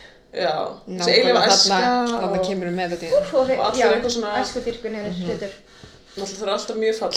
Já. Ég meina, hvað það var bara eitthvað ljótt fólk sem var vampýra? Ok, hvað ef eins og, ná þá verður það fallegt, munið ekki tvæla þegar Bella breyts í vampíru verður hún miklu fallegri. Já. Þá þú veist, Já, allt einu bara kemur eitthvað filter á það. Já, ég las allar bækurnar og í bókinni þegar hún er orðin af vampíru þá allt einu er allir, þú veist, horfa á hana bara götum út bara eins og þessi kvikmyndastjarna og Hún bara bara, ljómar. já. Hún náttúrulega er bara bókina Jones. bara eitthvað, ég er náttúrulega bara eitthvað ljót, eða næstu því. Hún bara eitthvað, ég er bara eitthvað svo venjuleg. Hún horfði í speilin, hún var með glansandi þygt og fallegt brúnt hár sem náði niður á rass, risastór brjóst og ekkert mitti. Hún var ógeðslega ljót, eða það fannst henn allavega. Við höfum öll var þessa lýsingu, öruglega. Þetta er alltaf svona. Líka þessu perandi bókum þeir gælur alltaf að lýsa sjálfum sér. En þetta, hún náttúrulega að vera eitthvað svona óörug, þannig að Já, en það er samt passað að lýsa ég var rosalega grönn, með rosalega stór brjóst, rosalega djúpa spjekopp og glansandi blá augu. Já. Ég var ljót og. Já, og gett mikill klaufi. Ég var með 1 cm öra vinstri olbúganum, Gunnar myndi aldrei líta við mér. og já, klaufi. Þetta er svona svona eins og makeover í myndum. Það er er svona, tók glerugun. Akkurat Princess Diaries. Já. Hún er ekki lengur með krullur. Krullur Já, og ekki glerugu. Ekki glerugu. Og þá ertu bara henn, Það Eins er og- bara ungfrísland. já, Þú reiksetti. En já, ef þessir eiginleikar kynþokkir og það hljóma kunnulega, þá er það því eftir að Rice kom fram með þessar vampýrur, Mm. þá varð þetta vampýran. Þetta er nýja Dracula. Þú Mhm. veist, við tölum ekki jafn mikið um Rice og þetta, en það hafði rosalega áhrif á það sem á eftir myndi koma. Já. Þú veist, það var ekki, ég bara veit ekki hvernig, en það var þetta ekki aftur snuð. Ok. En árið 1992 var nýju lífi blásið í gamlu karlægu vampirmyndunar með Buffy the Vampire Slayer. Og Hollywood hafði sko boss var hluta af hvern hadri og madonnu hóru tvíhygginu sem ríkti í hennum verstrana heimi þegar koma vampirmyndum, frekar en öðrum myndum. Sorry, þetta var svolítið háflegt þegar ég var að skrifa. Fíla. Um, já, þannig að í vampíru sjógunum þá eru hreinar megar þær sem halda lífi, uh, druslur eru jætnar vampírum, lessur og kynferðslega virkar konur eru pottit vampírur, þið þekki þetta, kannist þið þetta, veitir hvað þetta er. Og nú er allir komin lítil ljósara klappstýra sem drepur vampírur hægri vinstri og er sko ekki kona í klípu, nema klípu sem hún redda sér úr sjálf. Halló. Buffy, já, hún, ég hef aldrei hort Hún er endur ekki vampíra, hún er Hún vampíru drepur, drepari. hún er svona eins og Van Helsing. Já, en þá er svona komið nýtt svona líka, þetta er til spandri svona school stemming, þannig þetta er svona komið líka, veist, inn í okkar heim, já, já. svona. Ég var að játa, ég horfði ekki á Buffy heldur, Nei, en því ég var það, svo hrætt við allt þegar ég var lítil, ég var hrætt við Buffy. Já. mér finnst það rosa mikið, ég hef ekki hort á allt sko, en þetta er rosa mikið bara einhverju djöflar líka. Já, ég ætla að segja, ok, ég hef alveg séð svona eitthvað smá brot og það var alltaf bara, svo var einhver engill líka. Buffy's Já. Vampire Slayer, en það er ekkert, það er okkur það er einhver vampýr, en það er alveg bara okkur Já, kannski til þess að það væri ekki einhæft að þurfti að þess að. Já, en það er svo shake it þetta er bara svo þá er þetta sem það er mjög mikið annað en hvernig Var hann ekki alltaf að byrja að deyta einhvern engi? Jú, Angel, nema hann var sko djöfull. sem heitir Angel? Já, Váka það er ekki það var, hvernig er því að tala um trúmi sé ekki djöfull? Kallaði mig Angel. Já, það var eitthvað, það er svona eitthvað tvist sko, ég man ekki hvernig það var. Ég held að deyta bæði djöful og engil Á sama tíma. Nei, það er marga þáttar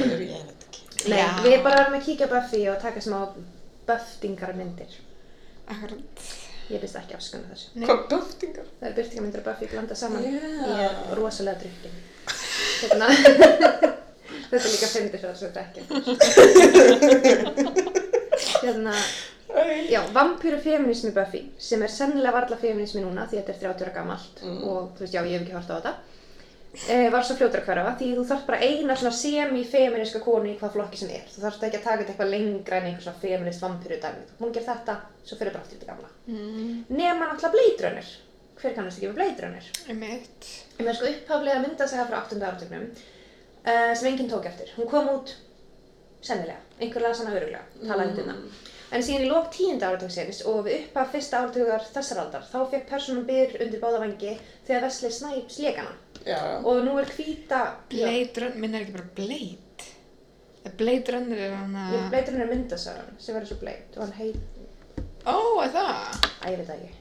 Þetta er ekki bara Blade Er ég að blanda Af ykkur tveir Blade, já, er ekki saman? Blade Runner en að Do Androids Dream of Electric Sheep eftir Philip K. Dick nema bara bíómyndi? Jú, þetta er bara Blade það ok, ég vissi svona alveg hvað þú varst að tala um, sko Ah, eins gott maður. Það er bara eitthvað Harrison Ford En kannski hér Runner, bí... sko. kannski hér... Nei, það er Blade, það er rétt Þetta er bara Blade, ég er bara að blanda tveimur saman. Já, ok, ok, sko. flott, það bara... Hérna. Vel gert. En ég, að það hvað þú varst að tala um, sko að það er kannski betra að hafa þetta rétt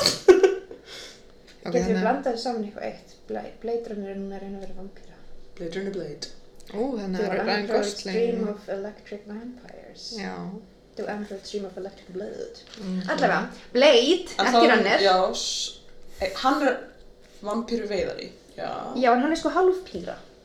Já, það er rétt, það er rétt Þannig að já, hvíta karlæga vampýra hefur verið tilbúin í, ekki konur, það er búið, tilbúin í eitt svartangur. Bara einn. Mhm. Og hann er bara hálfpýra. En þú veist, það er líka eitthvað nýtt koncept, eitthvað að vera bara eitthvað hálf vampíru Já, sko, aðalpersonan er semst í Blade sem er að leita hefnda fyrir dauða móður sínar sem er myrta vampíru sem er satt líka pappans sem er ástæðan fyrir hann er hálfpýra. Já, já Og hann hefur svona mannlega og vampýriska eiginleika og sem eru basically bara svona ofurkraftar, þannig að það er svona ofurheiti saga. Og vampýru mannfólksblöndurinn og hreinleiki blóðs er rosalega mikið svona þema í sögunni og þetta á að vera allegórið fyrir kynþátt. Og þú veist, þessi blandpýra veitir því sem eftir kom byrjundi báða vangi að nota vampýrisma sem allegórið fyrir minnilegta hópja í hinnum raunverulega heimi. Mm. Var þetta örglandi setning? Nei, en einmitt þetta bara fylgir sama steg og þú veist að tala um hann bara, þú veist, austur-Európu-guðurinn kemur til Bretlands, eða þú veist, þetta er bara svona þeir sem að er að, og ég meina, um, hún Buffy okkar, sem er, þú veist, að vernda litla smábæin sinn Já, fyrir þessari ógnum, Já. þú veist, þannig að þetta bara, hann er, svo, já, kynþáttur, ég meina, þetta er essentially. Og þá ætla ég að hoppa yfir í Suðurríkja rómansvampýrusöguna, sem er, ég veit ég veit það, True Blood. Já, Og ég ég sá það elska aldrei. True Blood Þetta er sko True Blood. Það, það eru sem sagt hérna svona rómanssögur um Suki Stockhouse, sem er gæla. Og þessar bækur er alveg svona séri með mjög mörgum bókum, en það var aðlagað í True Blood, þættina. Ok, ég vissi það ekki Já, og í True Blood er vampýrismi og ótti samfélagsins minnilöta hópa notaður sem allegóriða fyrir LBGTQ fólk og ekki svart fólk. Já Þannig í heimi Blood þurfa vampýrur að koma út úr kistunni í þeirri vonum að lifa stoltar og óærektar á meðal mannfólksins. Ah. Og í þessum heimi er búið að finna upp gerfiblóð líki sem heitir Blood. Og það að drekka vampýrur bara eins og djús og þurfa ekkert að drekka fólk lengur. Það er bara eitt True Blood, takk, með klaka. Já, Ok, já. bara svo ofengu bríó. eða? Já, En já, það er alveg alltaf í ykkur orgjum já, það er eitthvað aðrið. minni mig, Það ég er var að að horfa á þetta ég held ég að vera að horfa á þetta þegar ég var svona, þú veist, ég Þetta er veit ekki, fyrir 14, 15 ára bara mm. Þarf að eða hvað lesa bækurnar með annari handi og heyri eitthvað. ég náttúrulega horfa bara á þættinu, sko Um, já, ég næ eitthvað annað allavega. Þannig að þessar vampýrur leggjast hvorki á menn ég dýr, heldur eru bara eitthvað trúblandalununa. En baráttan fyrir vampýrréttindum er erfið því það eru kristnir ofsatrúamenn sem eru ósáttir við þessar ógvöðlegu skeppnur séu bara þú samþittar í samfélagið og svo er náttúrulega einhverja þústara vampýrur sem nenni ekki lengur að vera kurtisar í matinn sinna vilja vera bara eitthvað hættu sem stælum, ég borða þig bara, Gunnar og þá er þetta pota í þetta smá tæp allegóri að hins eginn fólk séu vampýrur því þú veist í vampýrusögum getur fólk alveg, þú veist, sem er Er á þetta móti smá tæp, er vampýrum þetta ekki bara mjög Þetta er ógeðslega tæp. Það er fólk í vampýru sem er eitthvað, já, já, ok, hann vil lúkkar vera næs en hann borðaði ömmu mína í fyrra. Og það er bara satt. Meðan í raunheimum er, þú veist, hins eginn fólk ekki að borða neitt. Það er bara að reyna að lifa lífinu nema eitt gaur í Þýsklandi sem borðaði annan gaur en honum til varnar þá samþýtti gaurin sem að borðaði láta borða sig. En sko, mér finnst þetta Já, vera þú veist, fair enough. basically er þetta, þú Já. veist, hins eginn fólk er ekki, ó, þú veist, ógnu við samfélagið. En er þetta ekki svolítið svona hérna, Það er verið að reyna að vinna Það er búið að taka svona. allegórina bara alltaf bara hinir Já, Þú veist, við versus hinir Já, en Og- það er svo tæp allegóri að ég segi bara aftur að þá ert að segja að það og þú veist, X-menn mutantarnir eru, þú veist, quote unquote svarta fólkið og fólk er eitthvað, ó, ég vil ekki þessi mutant sem er mér í skóla, en ég er svona, ok, sorry, þessu getur sprengt skólaðinn ef þú horfir á hann. Svart fólk gerir það ekki. Mm. Þannig að Já. þetta virkar ekki, af því óttin við þessa hina er réttlætanlegur, menn óttin við alveg minnilega er ekki réttlætanlegur. Já, nokkulega Allavega. Slappa því. En líka bara af hverju með, þú veist, af hverju þarf þetta alltaf að vera ykkur allegóri eða fyrir, þú veist, með þetta ekki bara vera vampýrur sem eru vampýrur, þú veist Nei, Nei, þetta eru útlendingar hérna. Já. Og svo líka ef við Handobring True Blood þá er, þú veist, mest sexy vampíran Þetta gerist í Suðuríkjunum, hann er búinn að vera dáin í svona 200 ár þannig hann er Hann er, fyrrum þræla eigandi, come on og svona Confederate General, þannig er svona Ah. langar þið svo að hjá honum langar þið það oh my god, Já, en þá við komin að því sem öll beðið eftir og ég skrifaði með Caps Lock Twilight Bitches Ég ætla alltaf að segja litla vampýru en svo ég hafði það ekki með ég var svona of lítið Ég er bara myndið alltaf eftir þessu núna, sko Það er náttúrulega, þá var maður dottir í svona barnabóka Já, vampýrur. Ég hafði það ekki með. En þetta er svolítið stiklað og stóri, ég er að sleppa ógst mörgu. Ég er að taka bara til. Já. Sorry, þetta er konkrét saga alls í heiminum frá 1700. Ég er náttúrulega bara að er velja hafna. podcast. Leifa mér að velja Alltaf hafna. litla vampýran, sko Hún borðaði bara kýr Greið kýrnar Já, það er líka eitthvað sem þarf að skoða við tækifæri. Svo í er eitthvað, þetta er slag, ég borðaði bara þú hundin. Já. En já, Twilight, bækurnar okkur fjóra. getur ekki fengið bara nautastek það mokkur eða eitthvað Ég, Eða True Blood. Við erum farið í blóðbankan. Mm. Vill maður samt að þessi ræna blóðbakkan? En ég skil þig, Nei, ég vil það ekkert. ok, bækurnar sem sagt voru fjórar, myndirnar auðvitað fimm, aðdánin var áþreifanleg sem og spennan. Höfundurinn Stephanie Meyer málar ofur sexy unglingavampýrur sem glansa í sólinni, drekka blóð úr dýrum og vilja byrja með unglingstúlkum sem er allavega hundraður yngri en þær. Minnstu kosti. Já. Svo er þetta allt hjúpað íhaldsemi mormonism og höfundar, svo enginn svo mikið sem fyrir sleik fyrir en hringarnir eru kominir á ódöðlegu puttana og þá sem eru rétt skriðnir af barnsaldri. En af einhverjum ástæðum, sennilega þeim að allt sem unglingstelpur fíla er álítið hræðilegt, mannskjamandi sorp sem er álíka slæmt og stríðsklæpir, vakti tvælega ekki engung upp ást heldur einnig hatur. Aðalega hatur. Nú er búið að skemma vampýruna og gera úr einhverju glimmer gerpi fyrir smástelpur. Er ekkert heilagt lengur. Akkur er mega vampýrur ekki bara að vera ennþá útrás fyrir illa dulið útlendingahatur? Hvað segir við að gjalda? Akkur má ekkert lengur? Heimur er versnandi fer. Ok, samt, sorry. En, mér finnst samt, já. Það er gott að hann sé bara eitthvað hvíti gaur. Ok, sorry, hann er pító, er það ekki? Jú, þú væntanlega. ert, ef þú ert eitthvað 100 ára eða 500, ég man ekki hvað náttúrulega gammal. 300. 300 ára. Ég var að horfa á þessa myndir sko. Af hverju veluru? Ég ætla að fara í menn, nei hvað er hann? High school. Ég ætla að fara í, hæ- það, það er, er gagfræðiskóli, skilur. Jaha. Bara, þú getur farið í háskóluna það langar svona mikið að fyrir skóla aftur. Þú getur, ég veit ekki, fyrir að vinna eitthvað. Þú Þú getur farið að þú veist mála málverk þú ert svona fokkið ríkur eða gert eitthvað. Af hverju? Þú veist hvað segja, ég eldist, þær eru alltaf gamlar. Hann er bara að fara að grúma, hann er bara að fara að grúma einhverja gælu í high school, er það ekki? Jú, meina, hann er að já. Ég Robert Pattinson sagði sjálfur, þú veist, bara, hann setti, spurningumarki við þetta ef við talið, sko. Já, bara af hverju vill hann fara í school? Ég líka, þú veist, hversu boring er það? Af Hún er að vera hverju lífið í spyr- 300 ár og þessi gæl er að fara að vera fyrst en eitthvað hvað ef við sjáum alla liti ekki eins og ég sé guðlunni svo græna? Af því hún er 17 ára. Þú veist, þetta er ekki að fara að verða Líka eitthvað bara- mega intellectual samræður. Þú veist, ætti það ekki að vera fyrsta spurningin hennar, eitthvað, ok, býtu, þú ert 300 ára, Já. af hverju valdur að fara þinn hann shit ass Já, hvað gera high school þetta, skilur við? Ég þarf ég sko þarna í Forks í Washington og það regnur svo mikið þar. En var það ekki eitthvað, Ég held að útskýringin hafi verið eitthvað svona til þess að við ekki eftirtekt að því ég lít út fyrir að vera þautin. Oh my god. Eitthvað Já, það var, það er eitthvað plan, sko, eitthvað dæmi, Já, þú bara. Ok, bara sorry, það veit ekki einn hvort ykkur 17 ára gutti er heima þessu ekki. eða Já, er? Nákvæmlega, Ég var ekki ekki svo að sé eitthvað í þjóðskrá, eitthvað 300 ára gammal samt 17 ára Edvard Höllen. Þú mistir af starfræði tíma. Nei, þú veist, hann er á skráð, þannig. Akkur búa ekki bara einhverjum Og líka sveita bara bíli, um, búa í bæ. líka alltaf að flytja í nýtt land, læra nýtt tungumál og þú veist 50 ára fresti er bara trýta Já, Edvard Höllen. Hann að hann að eitthvað, Þá finnst mér. Það finnst mér nú litla Hann er skári, fórið á sko. södra, sko. Hann er ekki læknir, hann er bara, Ángurins, þetta er ósætt hljóð. Já, náttúrulega læknir. Læknir. Það er margt séð í við þetta, sko. Er ekki, það er mjög algengt að svona, að mjög algengt, ég veit ekkert hvað ég er að segja, en það að svona, svona, að þú veist, það hefur gerst í gegnum söguna að morðingjar vilji vinna með eitthvað svona störf já, til að drepa síðan sjúklingana sína. já. Þannig að þú veist, er hann ekki bara, á, á, á, Ég er að segja, hann er að södra, sko. Hann er bara, já, við þurfum blóðbúður. bara eitthvað, æ, eitthvað, æ, er Kalli aðeins veiklulegur í dag? Já, spurninga Já, það er með smá bega. Gefum bara vítaminu hvað með aftur á fimmtudaginn.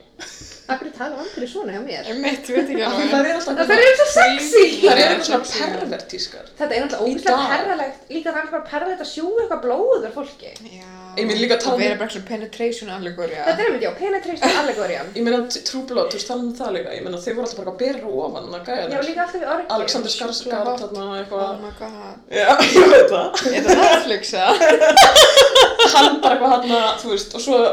ég það. Er það hann hann mætir Suki eitthvað, hei, ekki, ég ætlaði hérna að spyrja þig, og hann eitthvað, það er bara svona örgi í gangi, hérna, skilju, og hann eitthvað bera ofan hann. Já, akkur er hann ekki byrjað neðan. Dyrska. Ég veit ekki, hann er vel oft, þú veist, hann er oftast sítur bara eitthvað svona eins og eitthvað kóng. Ég veit sem ykkur það, ég horfði á fyrstu sínum og sem geggjuð, svo svona slætaði ég út hægt á bílundi. Já, ég held ég hef ekki klárað það því þetta var alveg smá svona þutt, held ég.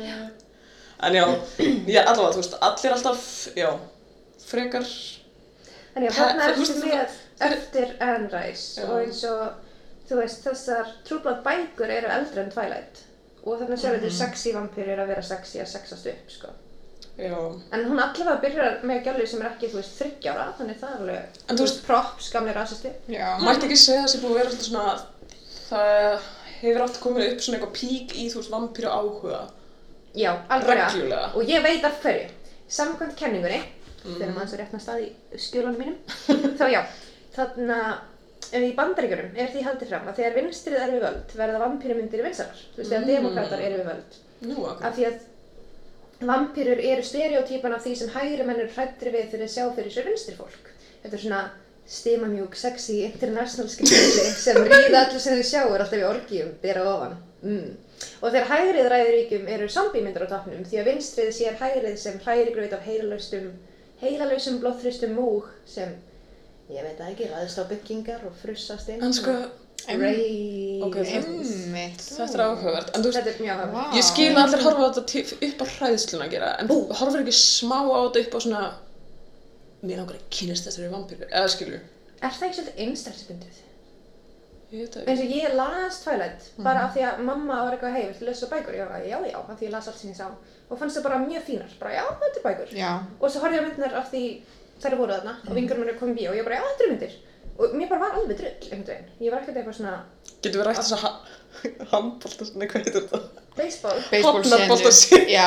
Besta Það sena. svona. Kveikmyndasögunar. það er svo mikið skrítið líka munið eftir þegar Edvard og Bella fór á date og hann svona hleypur ekki hratt kringum bílinn eða eitthvað þannig að hleypur hann inn og svona húsh, hverfur hann og byrkir styrna eina því hann lappar svo hratt En hvaðan kemur það líka? Akkur er hann alltaf bara eitthvað eins og Flash, eða eitthvað? Ég Já, veit það ekki, akkur þú svona ofurhettilegir qualities. Þetta er Hann, seg- hann getur lesið Já, hann les hugsanir. Hversu nef- creepy Já, Nema hennar. Já. já, er og sýstir hans Alice, og líka hann getur pottir spáir lesið hugsanir hennar líka og bara segja þetta til að þú veist gangi á henni, fattur hann er bara þú sé sérstök, þú og já, ég get ekki lesið þínar hugsanir einmitt, þess vegna vil ég vera og með þannig að þér. tíu, ég er sérstök Aha. og svo veit hann bara hvað hann hugsa þetta mm. ég verð að hætta hans að þetta sko Já, þetta er ótrúlega svona, þú veist, er þetta eitthvað sem hann er áður í nei, þetta Nei. er aldrei byrst áður Þetta svo er ég bara- veit til En já, Stefni svona- Mægir að vera snilli, Ofurhetju mormónu snilli. já, eiginleikar. og þannig líka er verð vampirinn ógeðslega sexy en gerir ekkert kynferðislegt að hún er mormoni núna Akkurat. Já, eitthvað, hún má ekki fyrir en eftir hún Já, ekki sig. finna þau fyrir sig, það má makast.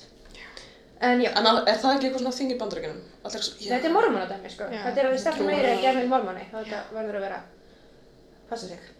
Ég er sem nokkuð við sem að ég svo verið ekki til í þetta, sko. Ég er bara, sorry, þú ert búin að lifa í 300 ár. Það er ekki sjans. Að þú sér bara búin að býða, eða hvað? Líka bara Hann er hann er búin að döður 300 ár. Hvernig- því hann er ekki með blóð, Já. er í bónir. Einmitt, í fyrsta lagi, hvernig fyrir hann í bónir, í öðru lagi, ef hann er með kaldan bónir, oi! Þú veist, það er svo margt að þessu. Og líka þessi minnmög er alveg út úr myndinu, er það ekki? Að þeir bara Væntanlega. borða fyrir píkuna. Oh my god, er? Nefnum sjálf. En það snýst eiginlega alltaf allt um kynlíf núna. Smá. Já, þetta snýst um Er það kynlíf eða ekki kynlíf. Þú veist, er að býða eftir að ríða. Býða eftir kynlífinu eða kynlífinu. Já, það er mikið. En af hverju, af því það er, er það eitthvað svona þetta, eins og þú segir, þú veist, með að fara inn með víkutöndunar. Já, það er alltaf penetrationið, en Edvard fer ekki inn með vígtölunar í hana heldur fyrir hann er búinn að ríða henni. það er rétt. Það er ekkert penetrasjón. Nei. Hafið þessi Parks and Rec þáttinn þegar að Gaurin vill að þið setja Twilight bækunar í hana time capsulið. Já, en það er langt síðan sem Til að... að hvað? Já, Til sem að fann bara að rífast um hvort þeir séu of kristnar eða ekki nógu kristnar. Já, þetta er einmitt akkurat bókin fyrir það. Já. Oh. Svo gott. Sko, ég, ég las henni á Twilight og ég náttúrulega var á þeim aldrei að þetta var alveg að tala til mín. Ég var Já, ég Þetta var reyfi sko til mig ekki að tala líka. mikið til mín, en ég var svo mikið bara svona, ég las bara svo mikið. Þú veist, ég var bara svona, þú veist, ég man ekki til að ég verið, oh my god, hvað gerir svo, en ég bara svona, ó já, ok, ok, bara þú veist, Vá, ég var þetta alveg- þetta Þetta er er. náttúrulega bara eitthvað svona ástarsaga sem... En ég var samt líka með Harry Potter, ég var ekki bara, ég er Gryffindor, þú veist, ég bara las þetta þetta áfram í lífum mitt, þú veist. Þú ert þetta cool. Sem, Ég hef alltaf verið rosalega cool. Ég er Ravenclaw. Nei, ok, ég rætt. Já. Já, en já, Skulum ekki ræða Harry Potter hérna. Þurfum Harry Potter að ræða Harry Potter einhvern tímann, eða Já. Einhvern tímann.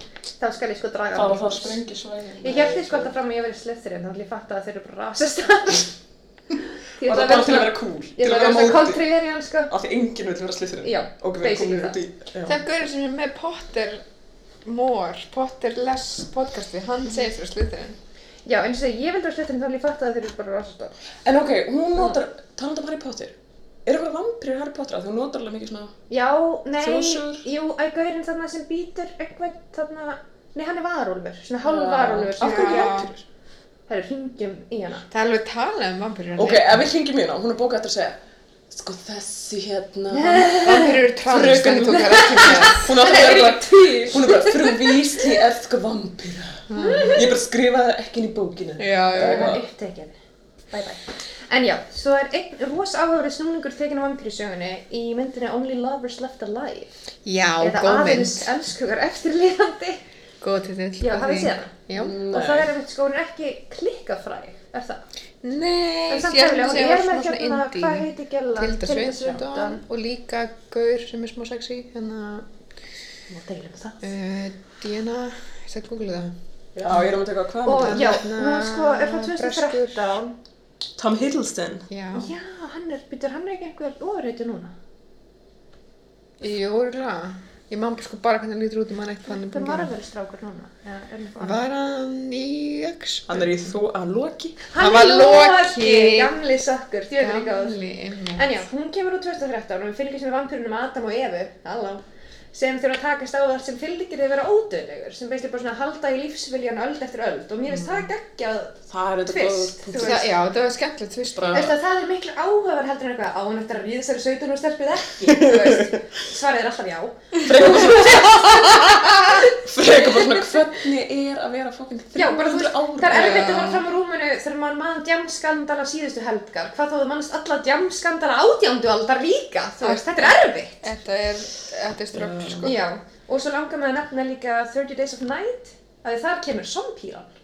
Mm. Hafið þið heyrt um zombíruna? Nei. Já, það er svona zombie-vampíran. Að þetta er vampírumynd sem gerist sko 30 Days of Night, gerist í litlum bæ í Alaska, þar sem myrkur ríkir í 30 daga. Það kemur aldrei sól, af það er miður vetur. Og þeir lendi í því akkurat í byrjun á þessum 30 daga myrkri kom ekki vampírur í bæinn. Obbossi. Óbúsi. Þetta er ekki gott. Æ, en það er einnig með zombírur, það er svona hlaupa ógstlega rætt og bara rífa fólk í sig og bara svona, þú veist, þeir eru bara blóð, þú veist, basically. Og ég var ógstlega hrættur þessa mynd, af því ég horfði á hann í desember á Íslandi. Það var ekki mikið bjart. Nei, svolítið ditt. Já. Og það er með fáránlega mikið ósagt í þessu hlaupi um sögu vampírunar í dagamenningu af það er þú veist kynferði trú, útlendingahatur, íhaldsemi, vinstri sinniðu samsæri og allt þetta dæmi sem þú veist er gott að kafa dýbra í en þá bara er þetta geðvitt langt og smá út fyrir strikið og það má alltaf kafa þangað aftur þegar mann langar. Og mér finnst miklu skemmtilega að kíkja aðeins til raunheima eins og ég á búin að lofa ykkur. Haldið í hestana ykkar. og þannig að byrjum við að spyrja hver er vampír og hver ekki. Og það meina ég ekki, þú veist, útblási lík í Transilvaníu, heldur akkurat núna í raunheimum hver er vampír og hver ekki. Sko, ég er það, ég googlaði smá aðan og það er í alveg fólk sem segist við vampýrur. Það er til. Já, já, já, já. Það var En alveg- er það vampírur? Þú náttúrulega, þú mátt skilgrana, eða þú veist, fólk er svo mikið bara, ég vil skilgrana sjálf mig í dag. eitthvað. Já, ég veit fara að skoða þetta sko og þú veist, ég get að skilgjað mig sem samkynhegða ef ég vill, hvort sem ég hef átt samband við einstaklega af sama kyni eða ekki. Já. Þú veist, eins og Díana gæti núna verið bara stelpur ég er samkynhegð og ég hlýtt að vera eitthvað, nei, þú hefur aldrei sofið hjá stelpu, þú veist, Mhm. að það má ekki. Meina að það megi þá ekki segja, ég er ekki beint að segja það. Ég veit ekki alveg með þessu Nei, en ég er að segja, þetta er, er voruð ekki með því að LBGTQ fólk eru vampýrur? Ok, talandi, sorry, ég, ég fór alltaf að hugsa með hérna allegorinnar Já. og þú veist, þú varst að tala um Let the right one in Jás. og þú veist, á eitthvað svona hræðslu og hún er trans. Hún er transpíra. Mm, já. Já. Og er alltaf bara, þú veist, er það ekki nýja hræðsla núna eða? Jú. Jú, það er ákveðin hræðsla. Hún geti, þú getur vissið líka eitt ávært um það, þið munið kannski í myndinni þá er þú veist einhver svona maður sem hún er með sem er að þú veist er Í bókinu er hann sko barnaperri og þeir eru svona að vinna saman, svona að fá bæðið eitthvað út úr þessu sambandi. Ah! þessi, þessi mynd er bara Ok, smá Já, þannig að disturbing, leikstjórinn sko. ákveði að sleppa því úr að það var eitthvað við þurfum ekki að horfa á það, sorry. Nei. Þú veist, við þurfum ekki að horfa á þessi 12 ára stelpu fyrir eitthvað að batna perast. Já, ekki, hún verði. En já, sko, ég get líka skilgrænt mig sem aðil af hvaða kyni sem fellur best að minni eigin upplifun án þess að ég eigi að þurfa að færa sönnur fyrir því nema þú veist, ef þú fáið því. Ég meina það er fólk sem er eitthvað ég að kýsa, sko. Já, já, það er Og er bara búið að það lítið að gera eitthvað. mjá. En hérna, já, en ég, þú veist, til dæmis ég gæti núna skilgrænt mig sem kallkyns ef ég vil og þú veist alveg fullt af fávitum fyrir að segja nei, en þú veist, ef við ætlum að vera næs, þá má ég segja það ef ég upplifi mig þannig. Já, já. En þú veist, ég get ekki farið að skilgjana mig sem morðingja því ég hef aldrei drepið mig. Er það ekki? Þú veist, ég get Já, verið, þú veist, einmitt. Díana getur verið lessa Já. akkurat núna þannig að aldrei sofið stelpu. En hún getur ekki verið morðingin ef hún actually drepa einhvern. Þannig að hún er búin að Mm. Kynum mismunandi- kynið er svona róf það er En ég meina, ef þú ert bara ég er bara morðingi og þú kannar þú drafst engan og þá er ég kannski bara, jú, Já, þú bara veist ekki að það. Mér finnst þess að þú er ekki geta gert það. Meðan mér finnst þú er að geta skilgjörn kynnitt og kyngerfi og neyðuð eins og þú vilt. En já, er, get ég skilgjörn mig sem geimfara ef ég hef aldrei ferðið út fyrir ekki. Get ég skilgjörn mig sem vampíru? Núna? Þú veist, ég er bara eitthvað, ok, flott, þú, ma- eða þú veist, ef þú er eitthvað, ég er vampíra, ég var bara eitthvað, já, já. Ok, eða Já. þú veist, ég myndi ekki vera eitthvað, eigða lífið í því að vera mótmanna því. En myndir sem verður eitthvað, ertu búin að sjá blóð? Já, myndi maður ekki vilja spyrja ákveðna spurninga eða svona Bara eitthvað, jú, kæristinu er eitthvað. bara svo kannski meiðir ekki neitt eða eitthvað, ég veit ekki Já, sko málið er að blessunlega er ekki mjög margir sem hafa ratað í fjölmiðla sögum vampýrisma og glæpa einhvern af þeim ástæðum. Með þeim þekktustu er einmitt Richard Chase sem ég nefndi á það. Mhm. En hann held ég aldrei sjálfur fram að vera vampýra. Hann var bara vennilegur ungur maður og það vildi svo til Hann að það vantaði í hann blóð. Hann var með stolna slagæð. og þannig að þetta var veist annað fólk er að skilgjana hann sem vampýra. Hann var bara eitthvað, nú er bara blóðugur. Ég síkjaði mig fyrir hann að tala svona. Og sem aðrar þekktar morðingja vampýrur eru Dusseldorf vampýran Peter Kurten og vampýru nauðgarinn John Crutchley sem nauðgar ekki vampýrum heldur nauðgar og er vampýra. Rétt skal vera rétt. Svo er einn Hannover vampýra sem þannig verið einn af fyrstu fjöldamorðingjan. Svo er 22 ára bandaríkja kona sem heitir Josephine Smith sem borðaði andlitið af heimilisveisum manni og sagðist vera vampýra. Ói, Svo er einn japanski Tsutomu Miyazaki sem sög blóð úr skólastúlkum frá 1988 til 1989. Og Allen Menzies sem var svo mikill vampýra aðdándi að myrti og drakk blóð úr vinu sínum sem dissaði uppáhalds vampýrumyndir hans. Svo er James Riva sem draf ömmu sína. Riva þessi sagðist fyrst hafa drepið ömmu sína því hann var 700 ára vampýra sem þurfti að drekka blóð úr ömmu sinni. Hann tók sem ekki fram ef hann er 700 ára gömul vampíra, hvað er ammans þá gömul? og setna breytti hann sögunni í það að hann draf ömmu sinni í sjálfsverð því að hún var vampíran og hún var að drakka úr honum blóð. Ah, ah. Hljómar ekki sennilega eininu meirum. Jésús. Ég myndi er freka bara koma með bara eitthvað, herru, ég er geðið ykkur eitthvað, ég veit ekki, ykkur þannig vörð, sko. já, gott, sleppa Ég held að þetta sé ein leið til að segja að ég er geður ykkur. Ég er sko bara vampíra. Og síðan einhvern til fólk sem tilheyrir undirhópum samfélagsins sem skilgrinsins vampýrur á þess að fer með glæpi eða valda fólki skada. Og þetta er fólk á það gerna samvild að vera hrifið af og líta upp til skáldarvampýra og vilja líka eftir þeirra lífstíl.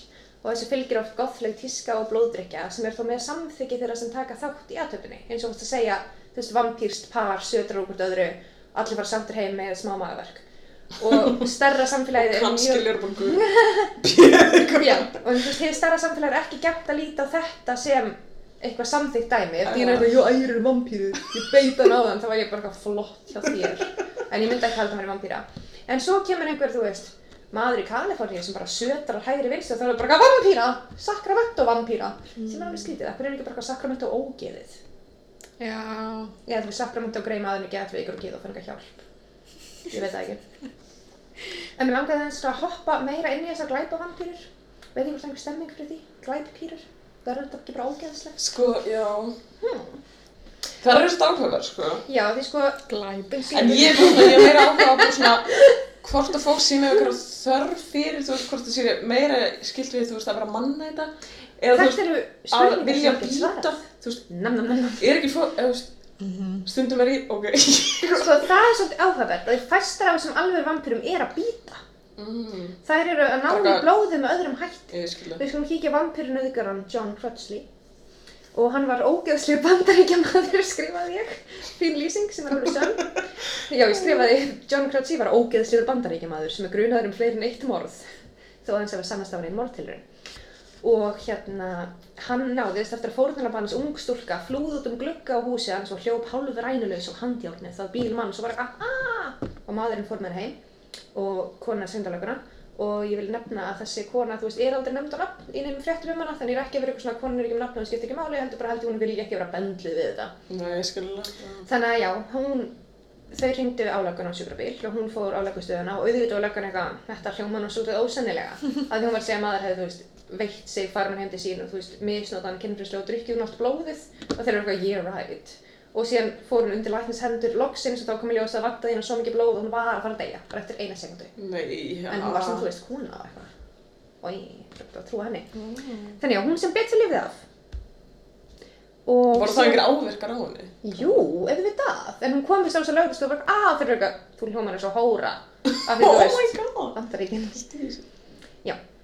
Þetta. En þetta var úr 90 eitthvað. er svo brútal sem. Ég er ekki brútal, samfélagið er brútal.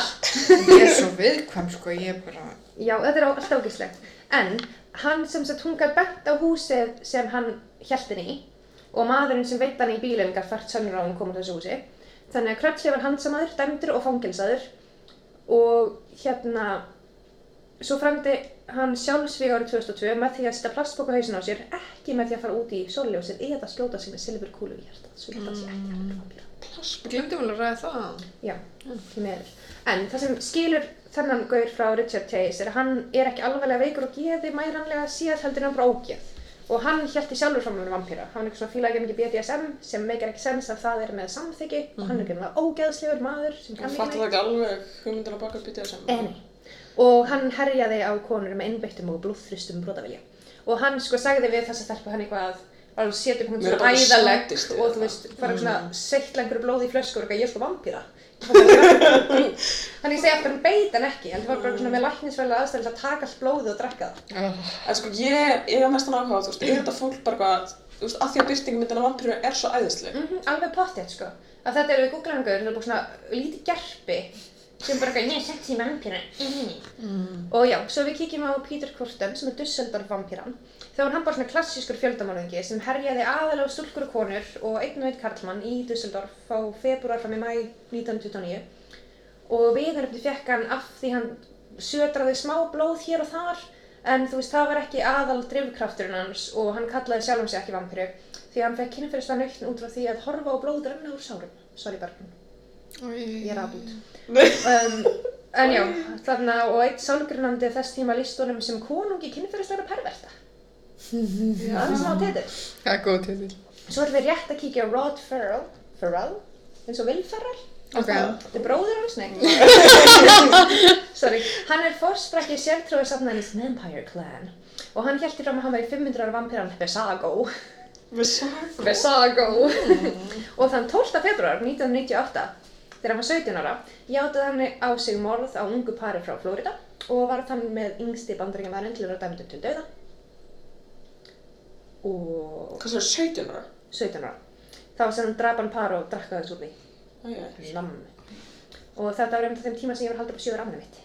Ég var ekki dæmd til dauða. Ég er eitthvað svona pæla, þú veist, eru kannski einhverju sem er eitthvað, "Æ, ég ætla að prófa hérna, þú veist, hvernig er alltaf það sé? Það er þetta með. John Crutchley sem var greið einhver óslega svona kynferðslega pervert og var leiðast inn í BDSM, kynntist kærustu sem var við hann eitthvað fáðist með blóð, það er ekki ekki, ég er vampíra og hann eitthvað, mm, ok, gef, gef mér sopa og svo var hann bara, jú, Oh það gerðist bara þannig og svo var hann bara, get ég gert fyrir sötur Endilega.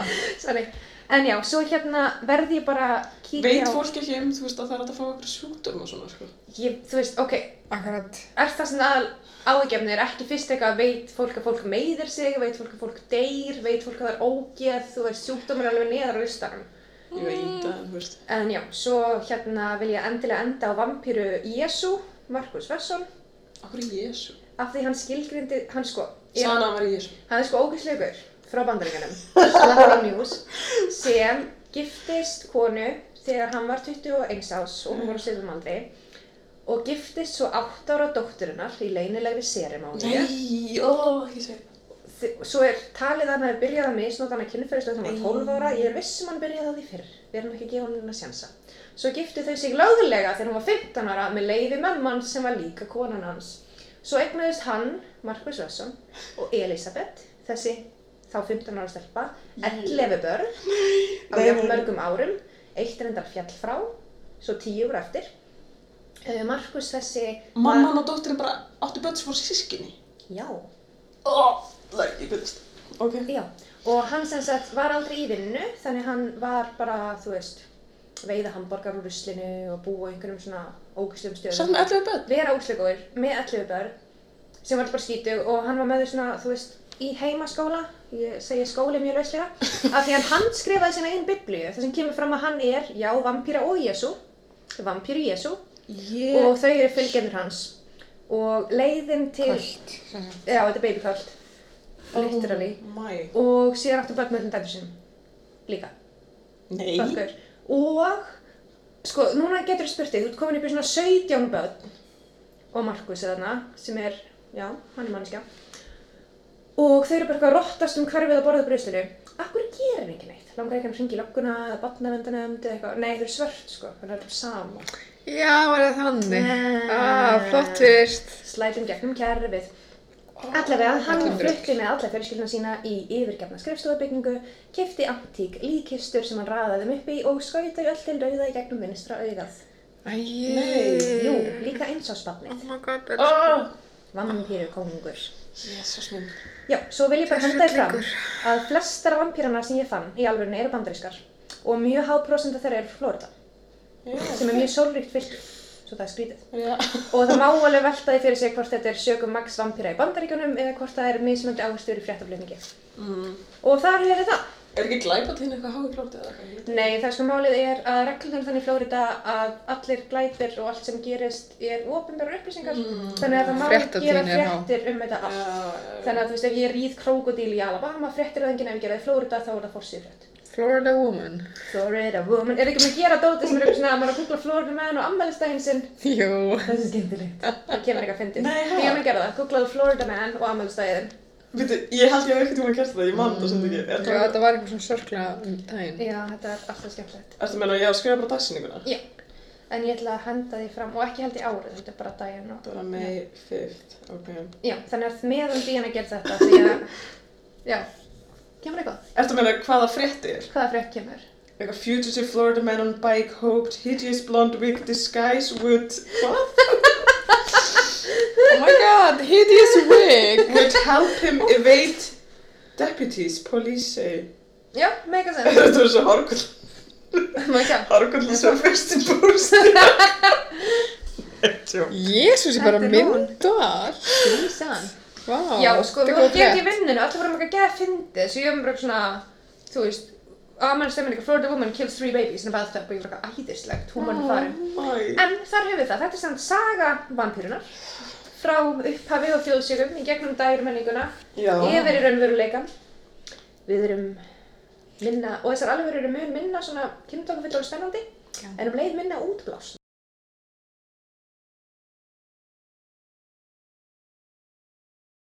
Eða sko, framan að voru þetta bara gett okkveikjandi, mann svo gríla eða eitthvað, við erum öll hrætt. Svo eru þær mjög okkveikjandi, svo eru þær svona, er þetta pínu sexy? Svo eru þær rosalega sexy, Mhm. svo eru þær frussandi sexy. En mér finnst svolítið núna það eru svolítið svona orðnar barnavampýrur orðnir svolítið uh, svona eins og með Let the Right One In Já, að þú veist, allir er farin að vera svona barnavampýrur eru svolítið ógnarlegar. Er það ekki? ég er náttúrulega ekkert um óhugulegt og. Barn sem Bönn eru það er skeri, þú veist, bönn í hryllingsmyndum, það, ég snerti það ekki með priki, sko. Ég finnst sérstaklega að þeir eru svona svipriðalaus og Já. eitthvað. Já, það er líka, það er eitthvað svo ógeðslega rátt. Og er er þetta eitthvað svona ókennileika dæmi? Þú veist, börn eiga að vera næs og vinalega en svo er þetta eitthvað. Mm, Hunting of Hill House eitthvað.